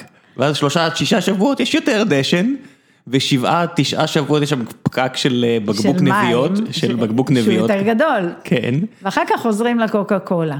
אז זה חקלאות מדייקת, אבל באמצעים שהם נגישים להם. הם לא יודעים לשקול, הם לא יודעים למדוד והם לא יודעים לחשב, אבל את זה הם יודעים לעשות. עכשיו, היה עוד משהו נחמד, אגב, כל, הגרפי, כל הגרפיקה פה זה בחור מבארי, גרפיקאי, אה, גיא ברוך, שהוא הוא פשוט מתנדב לעשות לנו את הדברים האלה, ו, ואנחנו מסבירים להם שהדשן זה כמו אוכל לצמח. שכמו שבן אדם אוכל בשביל לחיות, אז הצמח צריך דשן בשביל לגדול, הוא צריך דשן, הוא צריך מים. אז הם שמו את זה נורא קרוב לצמח, הם שרפו את הצמח, כי הדשנים הם אה, מלוכים, הם אה, זה. אז אה, גיא צייר סדרה של ציורים שאומרת להם איפה בדיוק לשים את, ה, את החור ולשים את הפקק ציורים של אה, ולסגור. תלמים, שביניהם יש, אה, אה, נראה כמו שיחי עגבנייה קטנים יפים יפה, כאלה. זיהית. אמרתי לך, אני מגדל, ומנסה לפחות. וממש רואים איך עושים חריצים בקרקע, בתלמים, ושמים את הפקק של ה... דשן. ומשקים מיד כדי שהוא יתמוסס וכולי. כן, שהרוח לא תיקח אותו. בעצם אנחנו מפתחים שיטות הדרכה, ובוא נגיד זה קרה לנו תוך כדי תנועה. בחשיבה המקורית של פייר פלנט אמרנו נביא להם את הטכנולוגיות הכי מתאימות ונלמד אותם איך לגדל, אבל לא היה לנו איזה יכולות מדהימות בהדרכה, אני לא עסקתי בהדרכה בחיים שלי. אבל תוך כדי תנועה למדנו מה עובד ופיתחנו שיטות שמותאמות להעברת ידע לאנשים שהם לא משכילים, שהם, שהם לא יודעים קרוא וכתוב והם אין להם יכולות לא אה, משכילים, חישוב. זה הגדרה לא של השכלה בסיסית, כן. בדיוק. עכשיו מה שעוד אנחנו עושים, אנחנו בעצם מדריכים את מערכת ההדרכה המקומית. איך נראה הביקור שלנו בשטח, וזו תמונה מאוד מאוד מייצגת, לכן אני גם שמה אותה על הכריכה. יש לנו את המתנדב שלנו, שאנחנו לימדנו אותו איך, איך אה, לגדל. בחור לבן עם כובע צה"לי כזה, רק בצבע כן. יותר אה, נחמד ו- ומותאם שמיים יפים. וקוראים לו אמיר כהן, והוא למד אנתרופולוגיה, והוא התנדב אצלנו תקופה מאוד ארוכה, אחר כך הוא היה גם רכז. וסביבו יש שלושה. את המדריכה של משרד החקלאות המקומי, ויש את שני החקלאים שאנחנו מבקרים בשדות שלהם, ואתה רואה שאנחנו מבקרים אצלם בשדות, ואנחנו נוגעים בקרקע יחד איתם, ומראים להם שיש פחות מדי מים, או יותר מדי מים, יותר מדי דשן, או פחות מדי דשן, וכל שבוע מבקרים אצל החקלאי הזה. עכשיו, זו השקעה מטורפת, זו השקעה שחברה פרטית לא יכולה לעשות. לבן אדם שיש לו דונם אחד ירקות, זה לא הגיוני, נכון? כן. זה בלתי סביר בעליל. אנשים כמוני יגידו שה unit economics שבור פה. נכון, אבל אנחנו עמותה, אנחנו סופרים את ההצלחות שלנו במספר האנשים שהוצאנו ממעגל העוני. ממעגל? הרעב, אנחנו לא מדברים פה אפילו על מה לא, שנקרא אבל- בארץ עוני, זה זה לא אנשים רעבים, את מדברת פה על אנשים רעבים. נכון, אבל התפיסה שלנו, הפילוסופיה, היא שאין אנשים עשירים בעולם שהם רעבים. זאת אומרת, המנוע הוא לייצר כסף. הכלי של, שלנו התאים, כי זה המקצוע שלנו, זה מה שאנחנו יודעים, והוא גם מאוד יעיל, זה חקלאות ירקות. כי היא מתאימה לחלקות קטנות, אתה יכול לעשות הרבה כסף מחלקות קטנות. עכשיו, אם תשים לב- בכל העולם זה ככה, בארץ החקלאים הגדולים, הקיבוצים, הם לא מגדלים ירקות, הם מגדלים אה, תירס, חיטה, אפונה, תבוא לבארי, אז אתה רואה שטחים גדולים, אה, ומי שמגדל את הירקות זה המושבניקים. כי זה אינטנסיבי, אבל זה מייצר הרבה יותר כסף. כן, באתי להגיד, כל האנשים שאני מכיר שהם אימפריות של, אה, לא יודע מה, גמבות וכאלה, זה חבר'ה, את יודעת, ממוצע טריפוליטאי, שבשנות ה-50-60 התיישבו שם, מועצה אזורית תמר, כל מיני כאלה שנהיו אימפריות של אה, בזיליקום, ונהיו אימפריות כן. של פלפלים, וכל אבל, מיני כאלה. אבל גם בצרפת, מי שמגדל את הירקות בצרפת זה חקלאים קטנים. זה חקלאים עם שטחים קטנים. כי צריך לתת יותר תשומת לב. יותר ל- תשומת לב, יותר אינטנסיביות, יותר ידע, אבל יותר תמורה כספית ליחידת שטח. היות אנחנו מראש, מה שמעניין אותנו זה החקלאי הקטן, אז אנחנו רוצים שהוא ייצר בעצם הכנסה. עכשיו, מה שאנחנו בעצם עושים, אנחנו עובדים בכל כפר עם בין אה, חמישה לעשרה חקלאים מובילים. מי שעובד איתנו זה משרד החקלאות המקומי. מערכת ההדרכה שלו יוצאת איתנו לשדות, ובעצם בצורה הזאת אנחנו בעצם מכשירים את מערכת ההדרכה האתיופית, או הטנזנית לצורך העניין.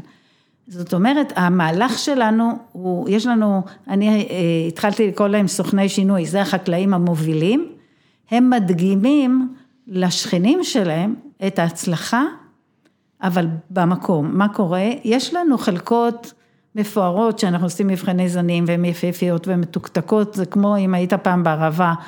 בחממה שכל הצמחים עומדים דום. על זה דיברתי, על, על האימפריות האלה של הפלפלים בדיוק התייחסתי. אוקיי, אז, אז השדות הדגמה ובחינות זנים שלנו נראות ככה, זה שטח פתוח, כי אין להם כסף לחממות, אבל כל ציץ וכל זה עומד במקום, כי מנהלים את זה מתנדבים ישראלים שבאים עם תשוקה וישנים בשדה. זה חבר'ה לא... של אחרי טיול כזה? זה במקום טיול... זה חבר'ה אחרי צבא, יופי. שהרבה פעמים משלבים את זה בטיול וזה נותן להם חוויית חיים מטורפת. על זה אני חושב, אני פשוט חושב, זה, זה, זה כזה כך מגביל, לא יודע, אנחנו קצת היינו, אני וחבר היינו בקמבודיה איזה תקופה וקצת עזרנו okay. שם אוקיי. לאיזה בית יתומים, כל מיני כאלה שאת אומרת, כן, אז פה זה מן הסתם התחייבות יותר גדולה משבוע וחצי, שבועיים, פה זה שלושה חודשים. בדיוק, אה, כי זה חקלאות וצריך פה התמדה וצריך את ההכשרה, בדיוק. אבל אם אתה מסתכל על התמונה הזאת, אז בעצם יש פה את כל המהלכים, יש פה את ה... קודם כל יורדים לשטח ומדברים בגובה העיניים, זה לא סתם, זה ככה זה נראה. אתה לא עומד מעל... התמונה שהיא מדגימה זה באמת אה, אנשים קוראים, וכולם מסתכלים אחד לשני אה, סביב צמח, וכולם מסתכלים אחד על השני בעיניים. ויש להם, לחקלאי יש את חוברת ההדרכה, שהיא כולה מבוססת איורים שהוא יכול אה, להשתמש בהם ולהבין אותם. ואז החקלאים האלה הם בעצם אנחנו מזמינים אותם לחלקות ההדגמה לראות את הפוטנציאל, את הפי עשר, יבול. אבל כשהם באים לחלקות שלנו, הם לא מאמינים שהם יצליחו, אומרים מה לנו ולזה, יש פה ישראלים, הם יודעים, הם באים ומפזרים אבקת קסמים בלילה, והכל נעמד להם וזה. כשאתה מתחיל להדריך אותם בחלקות שלהם, אז קודם כל הוא מאמין בעצמו. הוא עשה את זה. הוא עשה את זה, אנחנו רק הסברנו לו איך לעשות. ונתנו לו דוגמה של הזרעים לעונה הראשונה. עכשיו, את הדוגמה של הזרעים אנחנו נותנים בחינם, סמפל. למה אנחנו עושים את זה? כי בכל העולם, אמרתי לך קודם, ככה מחדירים זנים חדשים לשוק, נותנים לחקלאי דוגמה, אומרים, תגדל, אתה תראה שזה יותר טוב בשבילך, שנה הבאה תקנה. את לא מביאה להם דג, את מביאה להם חכה. בדיוק. וברגע שהחקלאים האלה מצליחים, כל הכפר רוצה כבר גם. רוצה לגדל, וגם המדריכה שהיא מדריכה של הכפר, כי המדריכים גרים בכפרים, וגם החקלאים הם כבר מעבירים את הידע הלאה. תגידי, איפה הממשל האתיופי? זאת אומרת, כל איש עסקים ישראלי שמגיע לאתיופיה יודע לספר לי, ואני לא אציין פה שמות, אנשים שאני סומך עליהם, מאמין להם, שאומרים לי, תקשיב, אתיופיה זה לא מה שאתה חושב, יש שם, אה, לא יודע מה, את האצולה שלהם, וזה חבר'ה רציניים שרוצים לעבוד איתנו, שנביא חינוך, ונביא פלסטיק, ונביא את כל הדברים האלה, ויש עם מי לדבר. זה לא מה שאתה חושב, יש עם מי לדבר. הכי מסודרים הם ורואנדה, נניח, הכי מסודרים באפריקה, זה העתיד. זאת אומרת, של היבשת. הם עוזרים לכם במשהו? אז אה, התשובה היא כן, אבל זה לא היה קל. מה שקרה, כשאנחנו רק יצאנו לדרך, אז קבענו פגישות, אביחי, אותו אביחי היקר, לקח אותנו לסדרה של פגישות, גם עם בכירים במשרד החקלאות האתיופי, וסיפרנו להם על המודל, עוד לא היה לנו תוצאות, אבל היה לנו את המודל. ואז הם, אה, הם אמרו לנו שלמה שאתיופיה אה, תתמוך לה... בפרויקט שבסופו של דבר חברות הזרעים אה, וחברות התשומות החקלאיות ירוויחו ממנו. בוודאי שירוויחו. אז אנחנו אמרנו להם משתי סיבות. אחד, החקלאים קודם כל ירוויחו, החקלאים שלכם שהם בצרות. רק לתת לך דוגמה, הממוצע היבול של חקלאי באתיופיה מדונם עגבניות הוא 700 קילו לשנה, אה, לעונה, זאת אומרת 700 קילו לדונם. אה, ממוצע היבול אה, הפוטנציאלי הוא פי עשר, אוקיי? 700, שבעה טון. שבעה טון, כן. יש שיגידו קצת יותר, קצת פחות, תלוי מה זה משנה? בזן. סדר גודל. לא משנה, סדר גודל פי בסדר עשר. גודל, אנשים כבר מייצרים כן, עודף, אז- מוכרים, נהיים פחות בדיוק, חקלאים. אז זה מה אה, שאמרנו, זה מה שאמרנו להם. וחוץ מזה אמרנו להם, אם המגזר הפרטי לא יהיה מעוניין לעשות עסקים אחר כך, כי אנחנו באים ובונים גשר, אבל מי שצריך ללכת על הגשר הזה ולחצות אותו, זה מצד אחד החקלאים ומצד שני ספקי הטכנולוגיה. כי אם לא יהיה פה מודל ששני הצדדים מרוויחים, אז ברגע שפייר פלנט, מסיבות כאלה ואחרות, תרצה לסיים את הפרויקט, אז הכל ייפול, ואפריקה מלאה פרויקטים, בתי קברות של פרויקטים, ש, שהתועלת שלהם כן. נפסקה עם ההתערבות. הדרך לגיהנום מלאה בכוונות טובות. כן, עכשיו, אם המגזר הפרטי יבין שהחקלאים הקטנים האלה הם פוטנציאל עתידי לעסקים, אז הם כבר...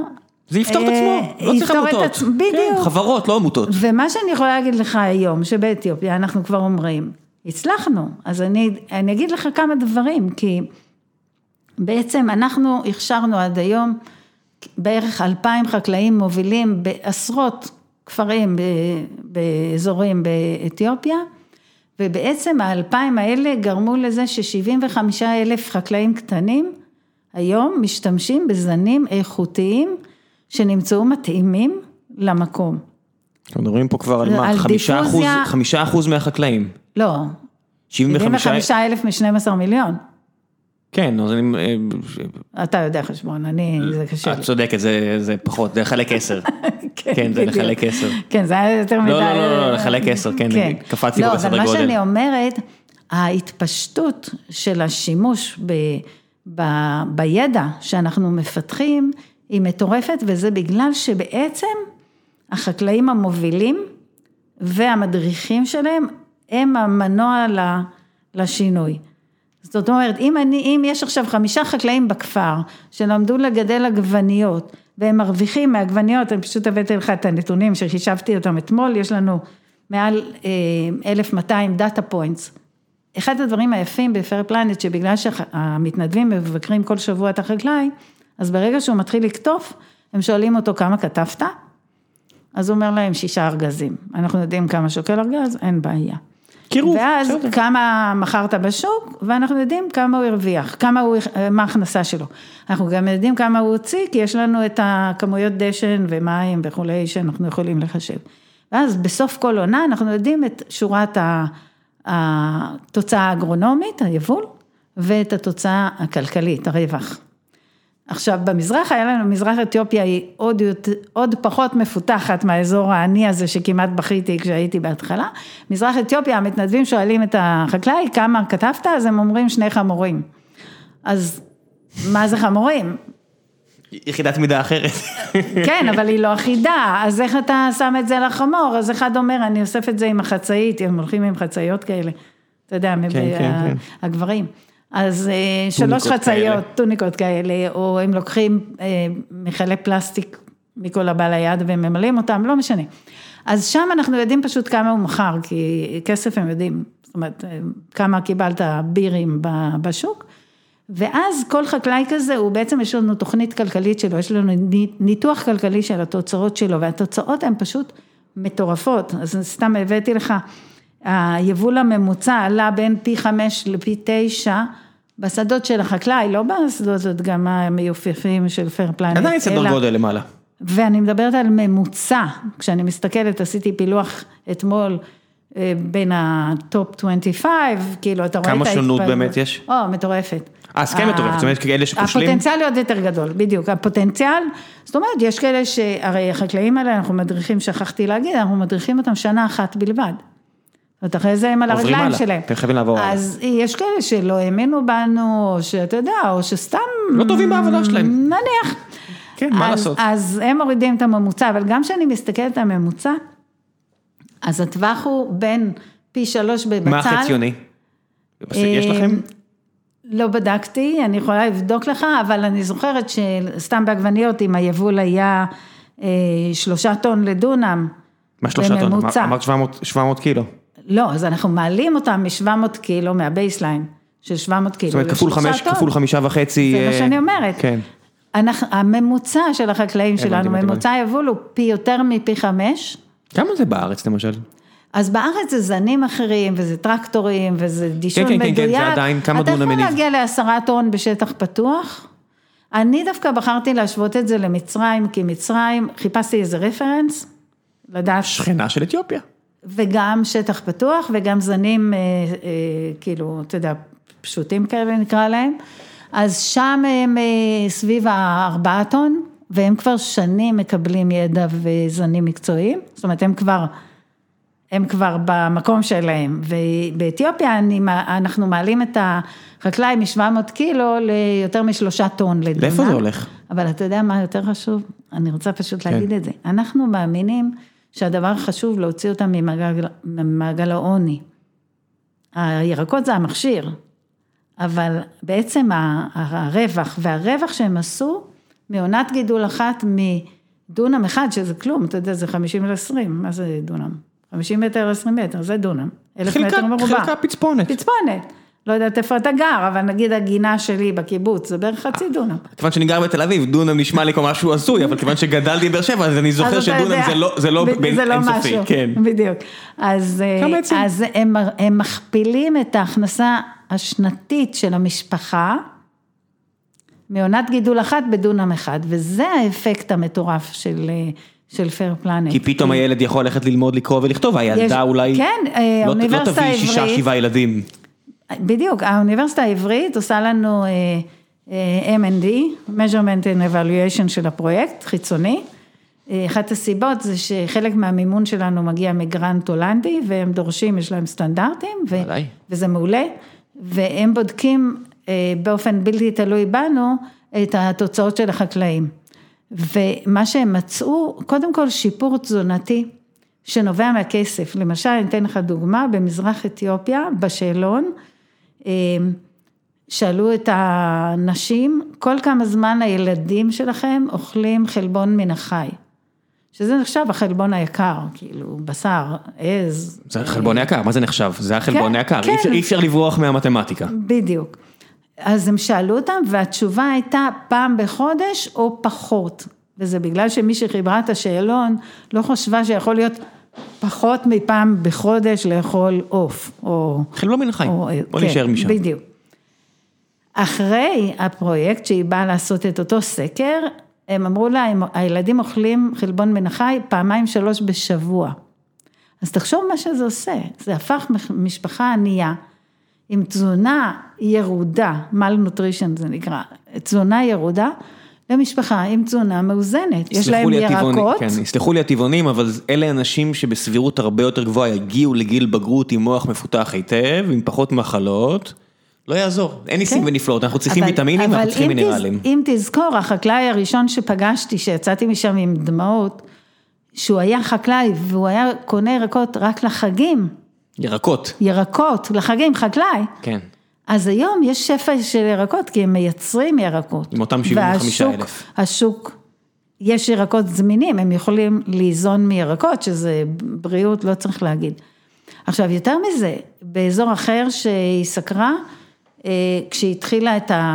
אה, לפני שהתחלנו לעבוד שם, 50 אחוז מהילדים לא, הלכו, לא הלכו לבית ספר.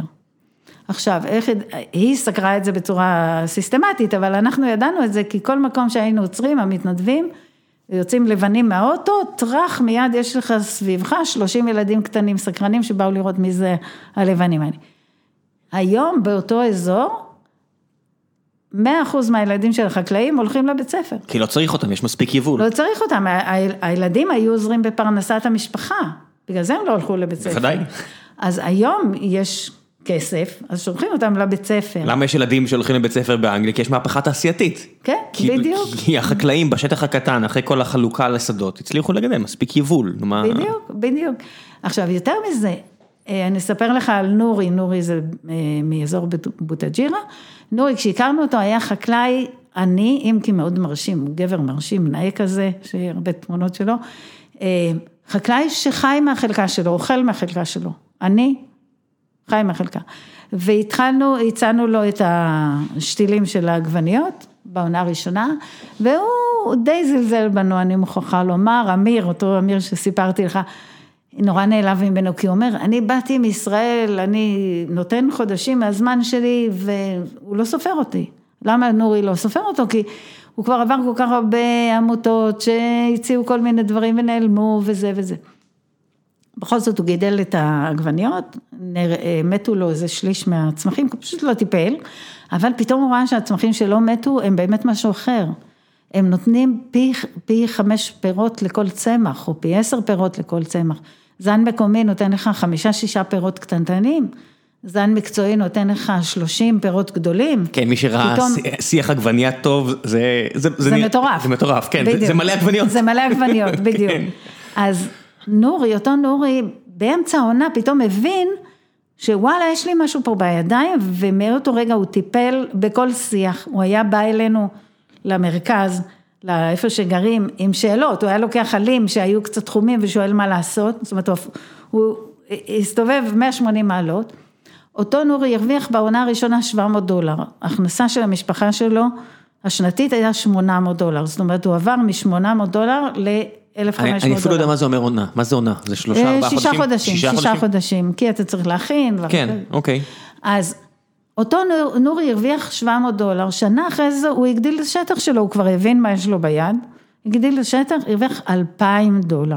2,000 דולר. תחשוב במונחים שלך, אה, מה אה. זה אומר לשלש את ההכנסה השנתית של המשפחה שלך. אני מבין מה זה 4,000 דולר בשנה, 4,000 דולר בשנה זה כבר מספרים ש...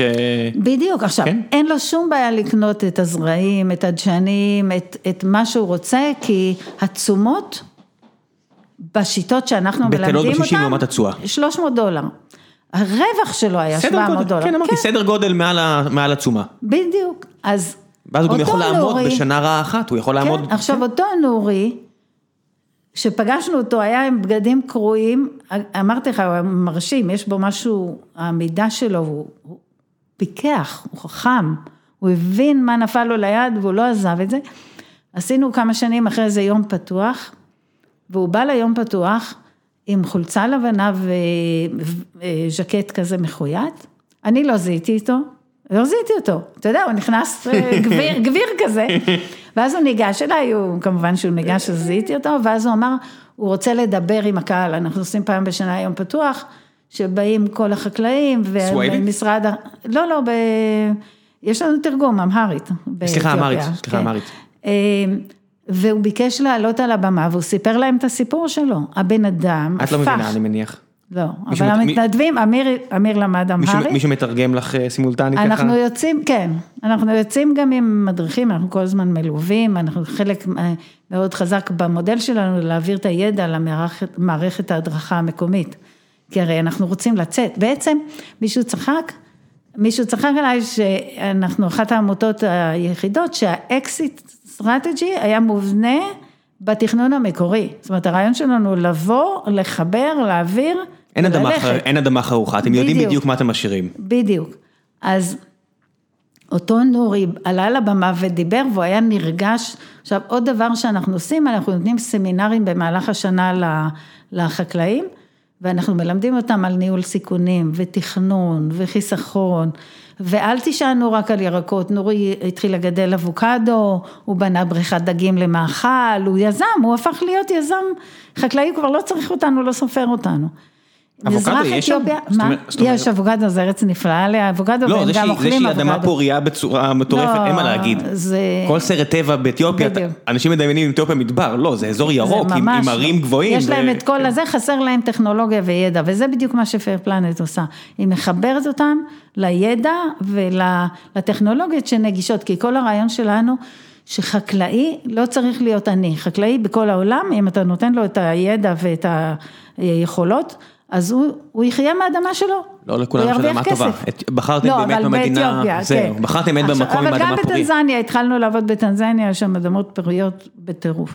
רק אני רוצה לספר לך עוד כמה סיפורים אישיים, כי זה בעצם מה שמחבר אותנו לפרויקט הזה. יש אלמנה במזרח אתיופיה שהיא נכנסה לפרויקט, מסרת קוראים לה, והיא תראה איזה אישה נבונה, היא ברווח שהיא עשתה, היא ממשיכה לגדל ירקות, אבל היא קנתה שוורים, גורים, אה, שוורים צעירים, והיא תשכיר אותם לעבד את האדמות של השכנים, אז כבר יש לה עוד אמצעי התפרנסות. היא, היא כבר לא חקלאית, היא נותנת שירותים, זה השלב הבא. בדיוק, טאג'י, טאג'י שהיא באזור אחר, היא, היא הצליחה מאוד בעונה הראשונה, אבל היה לה קשה, והיא קנתה פרות לחלב. עכשיו אין מקררים באתיופיה, אז היא מגדלת את הפרות, חולבת ומוכרת חלב לשכנים ולמלונות באזור שלה.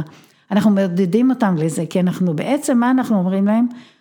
אנחנו מוציאים אותם ממעגל העוני ונותנים להם כלים, ואחר כך הם ממשיכים לבד. תפתחו תעשייה, תעמדו על הרגליים. כן, תעשו מה שמתאים לכם, אנחנו נותנים לכם את האתחול, את ה... את הסטארט-אפ, את, ה, כן. את ההתחלה. את מאמינה בהם, את לא מסתכלת עליהם בתור אה, לגמרי. אפריקאים פרימיטיביים, את אומרת, אתם פשוט, לא היה לכם את המזל, אז בואו בוא נרומם אתכם, לא צריך... אה, בדיוק, ו, וחלק מהיפה בפייר פלנט, וזה הסיבה שאנחנו עובדים עם מתנדבים, כי יש להם את התשוקה והאמונה באנשים, והם מדברים איתם בגובה העיניים. ועוד סיפור אחרון, יש לנו בחור בשם עבדול עזיז במזרח אתיופיה, הוא עשה כמה עונות טובות והיו מחירים מופרעים, כי מזרח אתיופיה עוד יותר קשה לגדל, אז גם המחירים הם אחרים. הוא קנה טרקטור, קנה טרקטור, הוא משכיר אותו ב-20 דולר לשעה. בארץ לא משכירים במחיר כזה, אבל למה? כי הטרקטור בשעה עושה מה ששלושה שברים עושים ב... אני לא יודעת מה, בשלושה ימים ומשלמים להם את הסכום הזה. אז כל הרעיון הוא להוציא אותם ממעגל העוני, לתת להם את הכלים ובסופו של דבר הם הופכים לעבוד ישירות מול המגזר הפרטי ולא צריך את העמותה יותר. ואז אנחנו יכולים לעבור לאזור אחר, עכשיו התחלנו לעבוד בטנזניה. עכשיו מה שאני הייתי מאוד רוצה מהשיחה הזאת בגיקונומי, זה בעצם, אני חושבת שרוב המאזינים שלך חיים בעולם הכי רחוק מהחקלאים הקטנים באפריקה. אני אפילו לא חושב שאתה עולם. אתם בעולמות כן, כן, תוכן זה... ועולמות כסף ואקסיטים וכולי וכולי. ומה שאני הייתי רוצה שיצא מהמפגש הזה, שהעולם שלכם גם יכיר ויהיה אכפת לו מהאנשים שם. ואכפת לו זה בכל האמצעים, אם זה... אנחנו יודעים שכסף מניע את התהליכים האלה. אז בוא נדבר האלה. פרקטי, יש אה, מה, מקום לתרום, מקום להתנדב. יש מקום לתרום, יש לנו, קודם כל התנדבות. תשאירי לי לינקים שאני אשים בדף של הפרק, כי מאזינים גם חיילים אני יודע, וכל מיני חבר'ה כאלה. בטח, אז גם להתנדבות כמובן, עכשיו קצת קשה עם הקורונה, אבל אנחנו מניחים שבעוד שנה. זה בדיוק שבאתי לשאול, אמרתי אולי אי אפשר לטוס למזרח, אולי אפשר לטוס לאתיופיה. לא, אבל אנחנו מעריכים שעוד שנה זה יחזור, זה אנחנו... בוא נקווה. ועכשיו הצוותים המקומיים שלנו עובדים שם נפלא, אלה שהכשרנו, אז אנחנו גם משמרים את הידע ואת הצוותים. מה שהייתי רוצה שיקרה, קודם כל, שברמת החשיבה, מי שמקשיב לנו, אה, יהיה אכפת לו מהאנשים האלה. עכשיו, אכפת בכל מישור, בכל אחד במה שהוא יכול. אם יש לך את הזמן, בוא להתנדב. אם יש לך את הכסף, תתרום. כל, כל פעולה, אני גם מאוד אשמח, זה פשוט חוגי תוכן שאני אף פעם לא מגיעה אליהם, לבוא לתת הרצאות. יש אנשים מחברות אה, הייטק, ניתן לכם הרצאה על, ה, על הפרויקט הזה, נלהיב אתכם, תתחברו, אולי תוכלו לתת לנו טכנולוגיות תומכות בתחום האיסוף ידע, בתחום, אני לא יודעת, תשמעי, היה תקשורת. היה פה רק לפני, לא יודע מה, 20-30 פרקים, אה, יזם שמתעסק באגרוטק. אה, לעניות דעתי הוא בדיוק השבוע עזב את ישראל לטובת סנט לואיס, okay. אה, אוקיי. איפה שהחברה תמשיך את דרכה. אבל גם אגרוטק בארץ, כבר יש אנשים שמשתמשים בארטיפישל אינטליג'נס ודרונים והכל, כדי להעיף את התעשייה האמריקאית, אז אני מניח שאפריקה עדיין לא שם. נכון. אבל בטוח אפשר לא, אבל אני אומרת, כל אחד שמקשיב לנו, וזה באמת מה שאני חשבתי לפני שבאתי הנה, זה כאילו, הכי רחוק, זה פלנטה אחרת. אתם חיים, אני מקשיבה הרבה לתוכנית שלך בלי סוף. אז, ושיפרת את איכות חיי, כי הפסקתי להקשיב לרדיו, אני, מה זה מבסוטה, אני מקשיבה. אה, אבל אתם חיים בספירה שלדעתי היא הכי רחוקה מנורי. אולי נורי עכשיו יתקרב אליכם, אבל כן. מהנורים הבאים. בוודאי. ומה שהייתי רוצה שיקרה, שקודם כל תדעו עליהם, תדעו שאפשר להוציא אותם, והם חכמים, הם נבונים. אנחנו מאוד מכבדים אותם, אנחנו רואים מה הם עושים, אנחנו נותנים להם את המנוף, הם חיים באיזה מעגל שהם לא מצליחים לצאת, ואנחנו נותנים להם את הטכנולוגיה הראשונית, שהיא בתחום החיים שלהם, חקלאות, הם ממילא חקלאים. ואז הם מרוויחים כסף, ואז חלקם ממשיכים בחקלאות, נורי עכשיו הוא מגדל אבוקדו, ויש לו איזה אלפיים עצי אבוקדו, שזה הרבה. וטאג'י מוכרת חלב, ועבדול עזיז מזכיר את הטרקטור שלו, אתה מבין? אז אנשים שרק תיתן להם את הדרך לצאת, אבל בצניעות אנחנו הגענו ל-75 אלף חקלאים, שזה בערך חצי מיליון אנשים, אם אתה לוקח בחשבון את האנשים ואת כן. הילדים, אז השפענו על חצי מיליון אנשים באתיופיה. אבל יש שם 100 מיליון אנשים, הדרך עוד ארוכה. יש עוד ארצות שמאוד רוצות אותנו, אוגנדה רוצים אותנו, רואנדה רוצים אותנו, טנזניה. יש פה שאלות מהקהל שמתייחסות בדיוק לזה, אז בואו נעשה קצת שאלות מהקהל. קדימה. אה, לפני שנגיע לשלב השאלות מהקהל, אני אספר על אה, נותני החסות שלנו לפרק הזה. היי, חברים, איזה סיפור מדהים. אה, לפני שנחזור לשלב השאלות מהקהל אה, ולהמשך הפרק עם דוקטור שושן הרן, אני רוצה לספר לכם שוב על נותני החסות שלנו, חברת Soulmate. חברת Soulmate מייצרים אוכל לכלבים שעומד בסטנדרטים הכי גבוהים שיש בעולם, רק שמלבד העובדה הזו, את כל השאר הם עושים בדרך שלהם, זה אומר שהם אה, דואגים לאריזות אה, חסכוניות ועושים את כל המרקטינג בעצמם וכל הפעולות וכל המאמצים שלהם מתרגמים בסופו של דבר לחיסכון של עד 50% מהמתחרים עם השם המוכר יותר אולי, אז הם, המתחרים, מבזבזים כסף על brand אה, recognition, על זה שתכירו את השם, וסולמייט מבזבזים כסף ומאמץ על כך שהם יקראו לכם אוכל לא פחות טוב, ובחלק המקרים אפילו יותר טוב. במחיר הרבה הרבה יותר תחרותי. ואם זה לא מספיק, במידה ותכניסו את קוד הקופון גיק 5, G-E-E-K 5, אז תקבלו הנחה נוספת של 5%. וזה לא רק אה, על אה, אוכל לחתולים וכלבים, יש שם גם מוצרי הדברה, ויש שם גם חטיפים, ויש משלוח חינם בקנייה מעל 200 שקל. בקיצור, יופי יופי של דבר אם אתם בעלים של חתולים וכלבים, שגם הם סובלים בסגר הזה. אז לכל הפחות תקנו להם איזה אה, אוסף של חטיפים נחמדים כדי להקל עליהם, תעבדו על האילוף. מי כמוני יודע עד כמה זה, זה חשוב, וזהו, בחזרה לפרק, תהנו. וחזרנו, אה, שואלת טל סוויסה, ויש לה המון שאלות, בגלל זה רציתי להגיע לשאלות, אז היא שואלת, אה, אתם עובדים רק באתיופיה, זאת אומרת, ציינת גם בטנזניה, מדינה שנחשבת יחסית יציבה ומודרנית לשאר מדינות אפריקה שמדרום לסהרה, ובהתאם די מוצפת בארגונים אה, חברתיים. האם יש תכנון להגיע למדינות שיותר צריכות את זה, ומה הייחוד שלהם לעומת ארגונים דומים? אז כן, התשובה היא כן, אנחנו רוצים להגיע לעוד הרבה ארצות. אה, הרבה מאוד צריכים אותנו, יש לי פניות מכל העולם, לא רק, לא רק אגב מאפריקה, ממיינמר, מנפאל, נשמע שרק באתיופיה יש לכם עוד אינסוף עבודה. נכון, אבל באתיופיה המהפכה שכבר עשינו, אה, היא כבר תמשיך לבד, אולי לא באותו קצב אה, החדרה לחקלאים, אבל שכחתי אולי להגיד, כשהתחלנו לעבוד באתיופיה, הייתה שם רק חברת זרעים אחת. שעבדה מול חקלאים גדולים מבוססים, שבעצם עשו ייצוא של ירקות לאירופה. היום שש חברות זרעים הכי גדולות בעולם שהן שותפות של פייר פלנט, פתחו משרדים באתיופיה, יש להם סוכני אה, מכירות והם משרתים את החקלאים. מכירות השתילים באתיופיה עלו כשהתחלנו אה, להדריך, הבסיס היה 11 מיליון שתילים לשנה, היום בסוף 2019 200 מיליון אה, שתילים. עכשיו זה נכון שבאתיופיה יש הרבה מאוד עמותות, אבל עמותה שעושה הדרכה אה, חקלאית עם זנים הכי טובים בעולם, אה, הדרכה חקלאית שיוצאת אל הכפריים ואנחנו מאמינים שזה הדרך הכי אה, יעילה כדי להשפיע, במודל הזה זה רק אנחנו, יש עוד עמותות שמדגימות טכנולוגיות חקלאיות במרכזים כאלה. אבל אנחנו מאמינים ביציאה אל החקלאי, ולכן גם אנחנו צריכים כל כך הרבה מתנדבים. ממש מפתיע אותי שאמרת אה, מיינמר וכאלה. לא, פנו אלינו. אני אומר, זה מפתיע אותי, הם כל כך קרובים למדינות חקלאיות, זאת אומרת, הם גובלים בתאילנד, הם גובלים... אבל. תאילנד גם בצרות, אה, הגידול, תסתכל על יבול הירקות ליחידת שטח הוא נמוך. זה נכון שעכשיו מתחיל שם שיפור מסוים, אבל עדיין זה נמוך מאוד. כי המדע לא, לא הגיע? כי קשה לחברות מסחריות שלא עוסקות בהדרכה, תקשיב, החברות הטכנולוגיה, גם הטפטוף וגם הזרעים וגם הדשנים, הן לא עוסקות בהדרכה חקלאית. המודל העסקי לא עובד הם, בלי ה bootstrap שלך. בדיוק, בדיוק, אתה צריך, הדרכה והדרכה אינטנסיבית, אנחנו משקיעים, אם היית מתמחר את הזמן לא, של לא. המתנדבים. לא, ציינת בדיוק, לא, לא, אנשים הרבה פעמים שואלים, למה שתאגיד לא יעשה מה שהסטארט-אפ הקטן הזה עושה?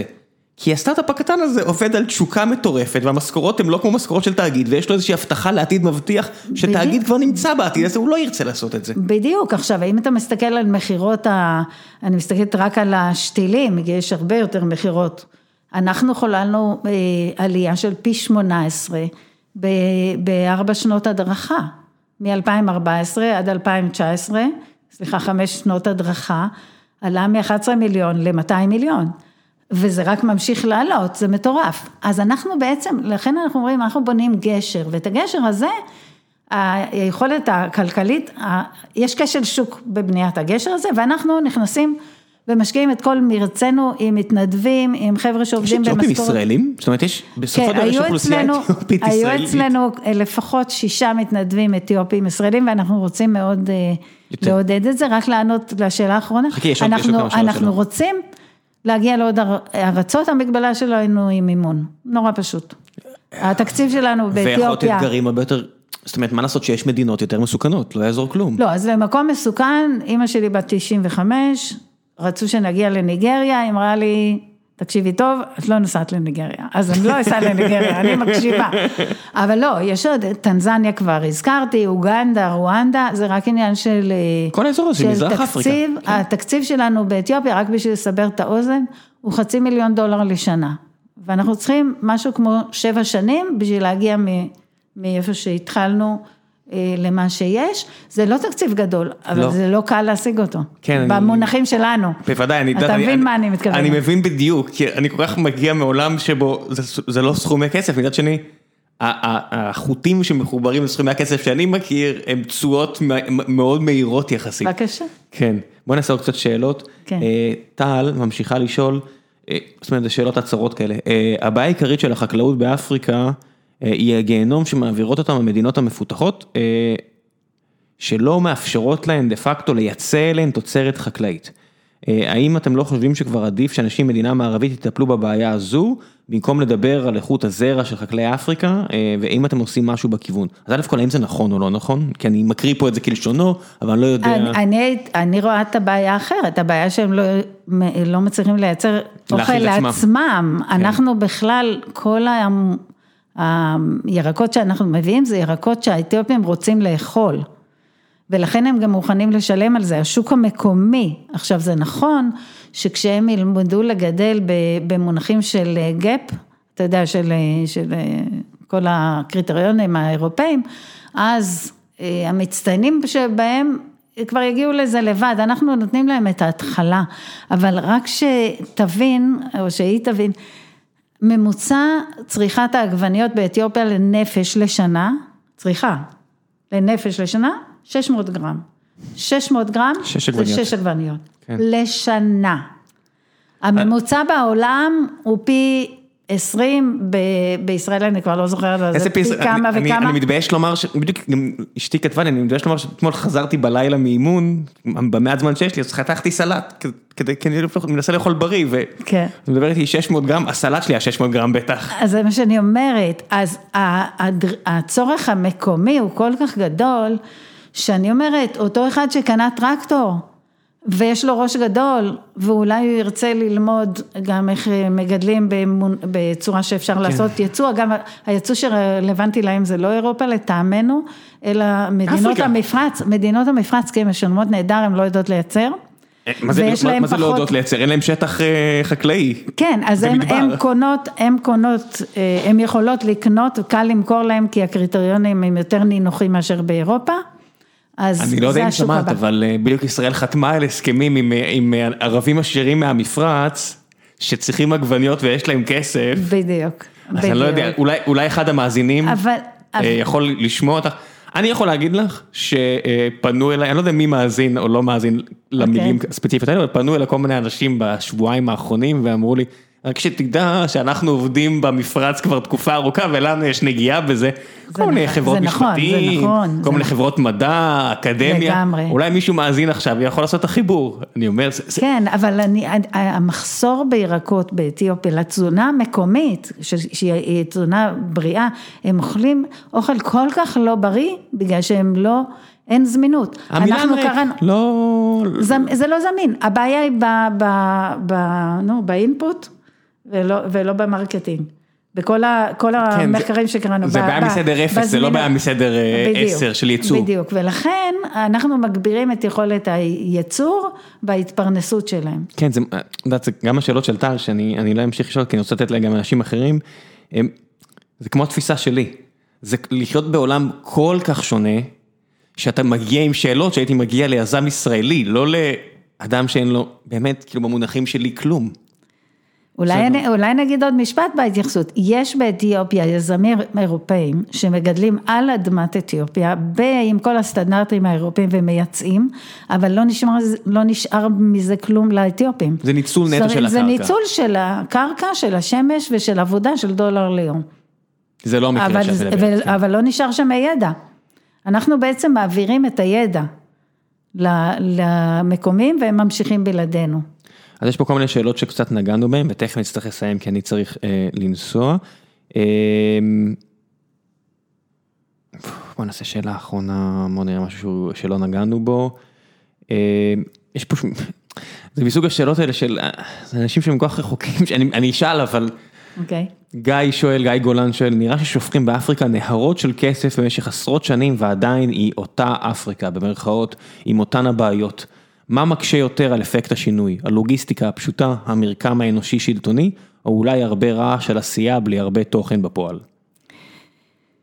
אמ, מה שאני חושבת שקורה, באמת נשפך המון כסף, וכסף שהוא מאוד לא יעיל, יש לזה המון המון מחקרים, אבל אחד הדברים שאני ראיתי במו עיניי כשבאנו לאפריקה, זה שיש אה, אה, ארגון בינלאומי הגדול בעולם, שבגלל הרעב באפריקה או באתיופיה, הוא מביא שקי תירס שיוצרו במקום אחר, ומחלק אותם לעניים. עכשיו, מה מאוד בעייתי בגישה הזאת? א', זה לא, ברגע שאכלת את התירס, לא נשאר לך כלום, זה לא אמצעי, וב', שזה פוגע במגדלי התירס האתיופים. כי אם, אם אתה למכור. יכול ביום שלישי ללכת למקום חלוקה ולקבל באפס כסף שק שיוצר במדינה מתפתחת, אז למה שאני אשלם לחקלאי על ידי שגידל תירס? ואז זה לא רק שזה לא עוזר, זה פוגע. ואני חושבת שרק עכשיו מתחילים להבין שהרבה מודלים של סיוע, הם פשוט המודל לא היה נכון. זה קביים. זה קביים, זה לא משאיר את הידע, זה לא סוסטיינבל. היפה במודל של פייר פלנט זה שאנחנו הולכים והם ממשיכים. אני לפני יומיים קיבלתי, תקשיב טוב, ממזרח אתיופיה, אקסל, אנחנו יצאנו משם לפני שנה בגלל הבעיות. המערכת הדרכה המקומית, לא רק שהיא הדריכה 512 חקלאים מובילים, שזה הרבה ב- באזור שלהם, הם שלחו לנו אקסל לפייר פלנט, עם כל השמות של החקלאים שהם הדריכו, מה היה היבול של החקלאים האלה וכמה הם הרוויחו. עכשיו זה מטורף, כי זה העברת ידע, לא רק שהם ממשיכים בלעדינו, הם ממשיכים להבין שהאיסוף נתונים והניתוח הכלכלי הוא חלק מאוד חשוב שתלתם זרע בהצלחה. ולא הבאתם עגבניה. ש- שתלנו זרע של ידע. כן, ברור שהלכתי על האנלוגיה, של התנהלות, כן. של ה... כן. תשמעי, מאוד, מאוד מרגש ומאוד יפה. אמ, בואו נסיים את הפרק, אני פשוט באמת חייב לנסוע לאיזושהי פגישה חשובה עם המלצות. אמ, מעבר להמלצה הטריוויאלית של כנסו לאתר כנסו Fair Planet. לאתר, תזמינו אותי להרצאות, אותנו להרצאות. תשאירי לי- תשאירי לי לינקים, מיילים, לאתר, אני אשלח לך אחרי, אה, בדיוק. אה, אני מאוד אשמח, כי אני חושבת שהרבה אנשים יכולים להתחבר לרעיון, וכל אחד ביכולות שלו יכול לעזור לזה לקרות. אז אם יש לך זמן, ויכולת, דרך אגב, היכולת יכולה להיות לא מתחום החקלאות, אם אתה יודע לעשות שיווק דיגיטלי נגיד, ולעזור לנו לעשות קמפיין דיגיטלי, זה גם התנדבות כל דבר. אצלנו, כל דבר. כל דבר. אה, תעשו אז טוב. הרצאות, אה, להתחבר אלינו, פשוט, להתחבר לעשייה אה, ולבוא לבקר, כשהקורונה תרד, אז גם נוכל להזמין אתכם לימים פתוחים ולראות באמת מה קורה, לפגוש את החקלאים, לדבר איתם, זה, זה, שמה הלב, בוודאי. מתרחב, נגיד ככה. בוודאי, בוודאי. עכשיו תודה. המלצות, רגע, רצית המלצות, כן, הבאתי. אני מוכנה. איזה יופי. אה, אחד הדברים שאני הכי אוהבת לעשות זה לקרוא. את תשלחי לי לינקים אחרי זה גם? או שאני רושם? כן. קדימה, אני רושם. אה, את ה... כן, כן, אני בדרך כלל אוהב ההמלצות. אני לא- נורא אוהבת לקרוא, אחד הדברים שנורא מסקרנים אותי זה אנשים, וספרות פשוט מאפשרת לי לפגוש הרבה אנשים בצורה הכי, אה, הכי אה, אינטימית. כן. אני פשוט נורא אוהבת לקרוא. אז קודם כל ספר שכתבו על ישראל, שאני לא יודעת אם אנשים קראו, הוא נקרא המאבק על כל טיפה. אה, זה ספר שמתאר על, על כל נושא המים, איך מדינת ישראל בנושא העצמאות במים, כל הטכנולוגיה של המים עשה מהפכה עכשיו שכל העולם מסתכל עלינו בהשתאות. ספר מרתק, הוא אמנם לא רומן כמו שאני אוהבת, אבל הוא ספר עיון נהדר, והוא גם ראיין אותי לספר הזה, היה נחמד מצידו. ספר האמריקאי שתורגם לעברית ב... באנגלית השם שלו יותר מוצלח זה Let there be water, זה אמירה זה המאבק על מהתנ"ך. כל טיפה? כן, המאבק על כל טיפה בעברית של סט אה, סגל. אה, ספר שאני חושבת שהוא אחד הטובים שאי פעם קראתי, זה של אלזה מורנטה, אלה תולדות. אני פשוט ממליצה, כל מי שאוהב לקרוא ספר ש... אין, אין, אין לי מילים, וספר חדש יחסית, שעשה לדעתי הרבה רע- רעש, אני מאוד נהניתי ממנו, זה ספר של איזה 800 עמודים, אז צריך להיות מיטיב לכת בקריאה, זה אמנות השמחה של אה, ספיאנצה, זו סופרת אה, מנפולי, אה, פשוט תקראו, הוא ספר קשוח, כמו כל כמו כל שמשכה- דבר מנפולי. מיש, בדיוק, מישהי שמשכה את עצמה בציפורניים מעוני מטורף ומ... לא דיברנו בכלל על נשים באפריקה, אז אולי... אנחנו פשוט נעשה עוד פרק, אנחנו פשוט נצטרך לעשות עוד פרק. נעשה עוד פרק, אבל אישה שהצליחה ב, ב, כמו בציפורניים לשאוב את עצמה, או כמו מינכאוזן שהוא משך בשיער, אה, לצאת ולהפוך לאישה עצמאית, פמיניסטית, ואני מדברת על 1900, 1900, כאילו מהדור של אה, אימא שלי בעצם. אה, פמיניזם, שחרור רוחני, ראייה חיובית של החיים, לא סתם היא קוראת לזה אמנות השמחה. בעיניי זה מרתק ומרגש וגם זה מלמד אותנו שלא המצאנו כלום בתחום של, של אנשים. לא המצאנו כלום, מאוד ממליצה, הוא לא קל לקריאה, אבל למיטיבי לכת אני מאוד ממליצה. אני אה, עדיין באותו ספר שאני נמצא בו כרגע, אה, זה נקרא Goliath. אה, הכותרת המלאה זה Goliath The 100 Year War Between Monopoly, Power and Democracy אה, של מאט סטולר. אה, גיא רולניק פחות או יותר הכריח אותי לקרוא את זה, כדי לנסות לשכנע אותי בדעותיו. אני מודה שכיבדתי אותו והתחלתי לקרוא. בהתחלה הספר מאוד בכיוון הספציפי הזה שאפשר לנחש מה הכיוון שלו. אוקיי. אבל הוא מלא בידע, והוא מלא בידע טוב, זאת אומרת, אתה רק צריך לנטרל טיפה הטיה, ואין לי בעיה עם זה, כל עוד אני יודע מה ההטיה, כן. והוא מלא בידע טוב וחשוב, וזה מסוג הדברים שטוב לדעת. זאת אומרת, אנחנו לוקחים דברים כמובן מאליו, ולא מבינים איך הם נוצרו, ואיזה אה, מוקדי כוח הם משרתים, כל מיני דברים כאלו, בכל התעשיות. כן, אבל אחת אחת בתעשיות הסיבות- החקלאות גם כן. אחת הסיבות שאמרתי לך שהגיקונומי שינה לי את, ה, את החיים במובן מסוים, זה שהתחברתי לעולם תוכן שאף אף פעם לא האזנתי לפודקאסטים, לא נעים לי להגיד, רק בזכות ההזמנה. בסדר, למה אני התחלתי לעשות את זה? כי התחלתי לפני עשר שנים להאזין לפודקאסטים, זה- לא... אז פתאום אתה, אתה פשוט מעשיר את עצמך, ובזמן שהוא הכי, לא נעים להגיד, הזמן שהכי זבל זה שאני נוהגת. בדיוק. אז, אז פתאום הנהיגה שלי הפכה להיות משהו שהוא בעל ערך.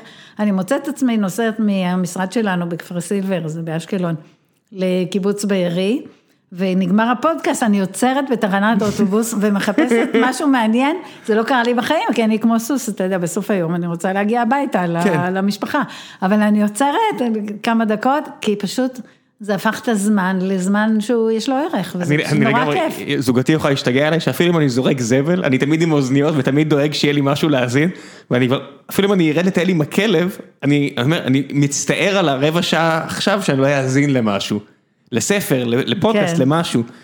אה, כן, אם, אם הייתי גם יכול לעבוד עם זה ברקע, זה בכלל היה מושלם, אבל אני פשוט לא מסוגל. אז זהו, זה, זה, זה, אני בקצה גבול היכולת האופטימיזציה שלי פה, וזהו, ועכשיו אני חייב להיפרד ממך כי אני חייב לרוץ. תודה רבה רבה רבה תודה רבה. לך, זה היה באמת, כיף, באמת מעורר. השראה. ביי. תודה, תודה.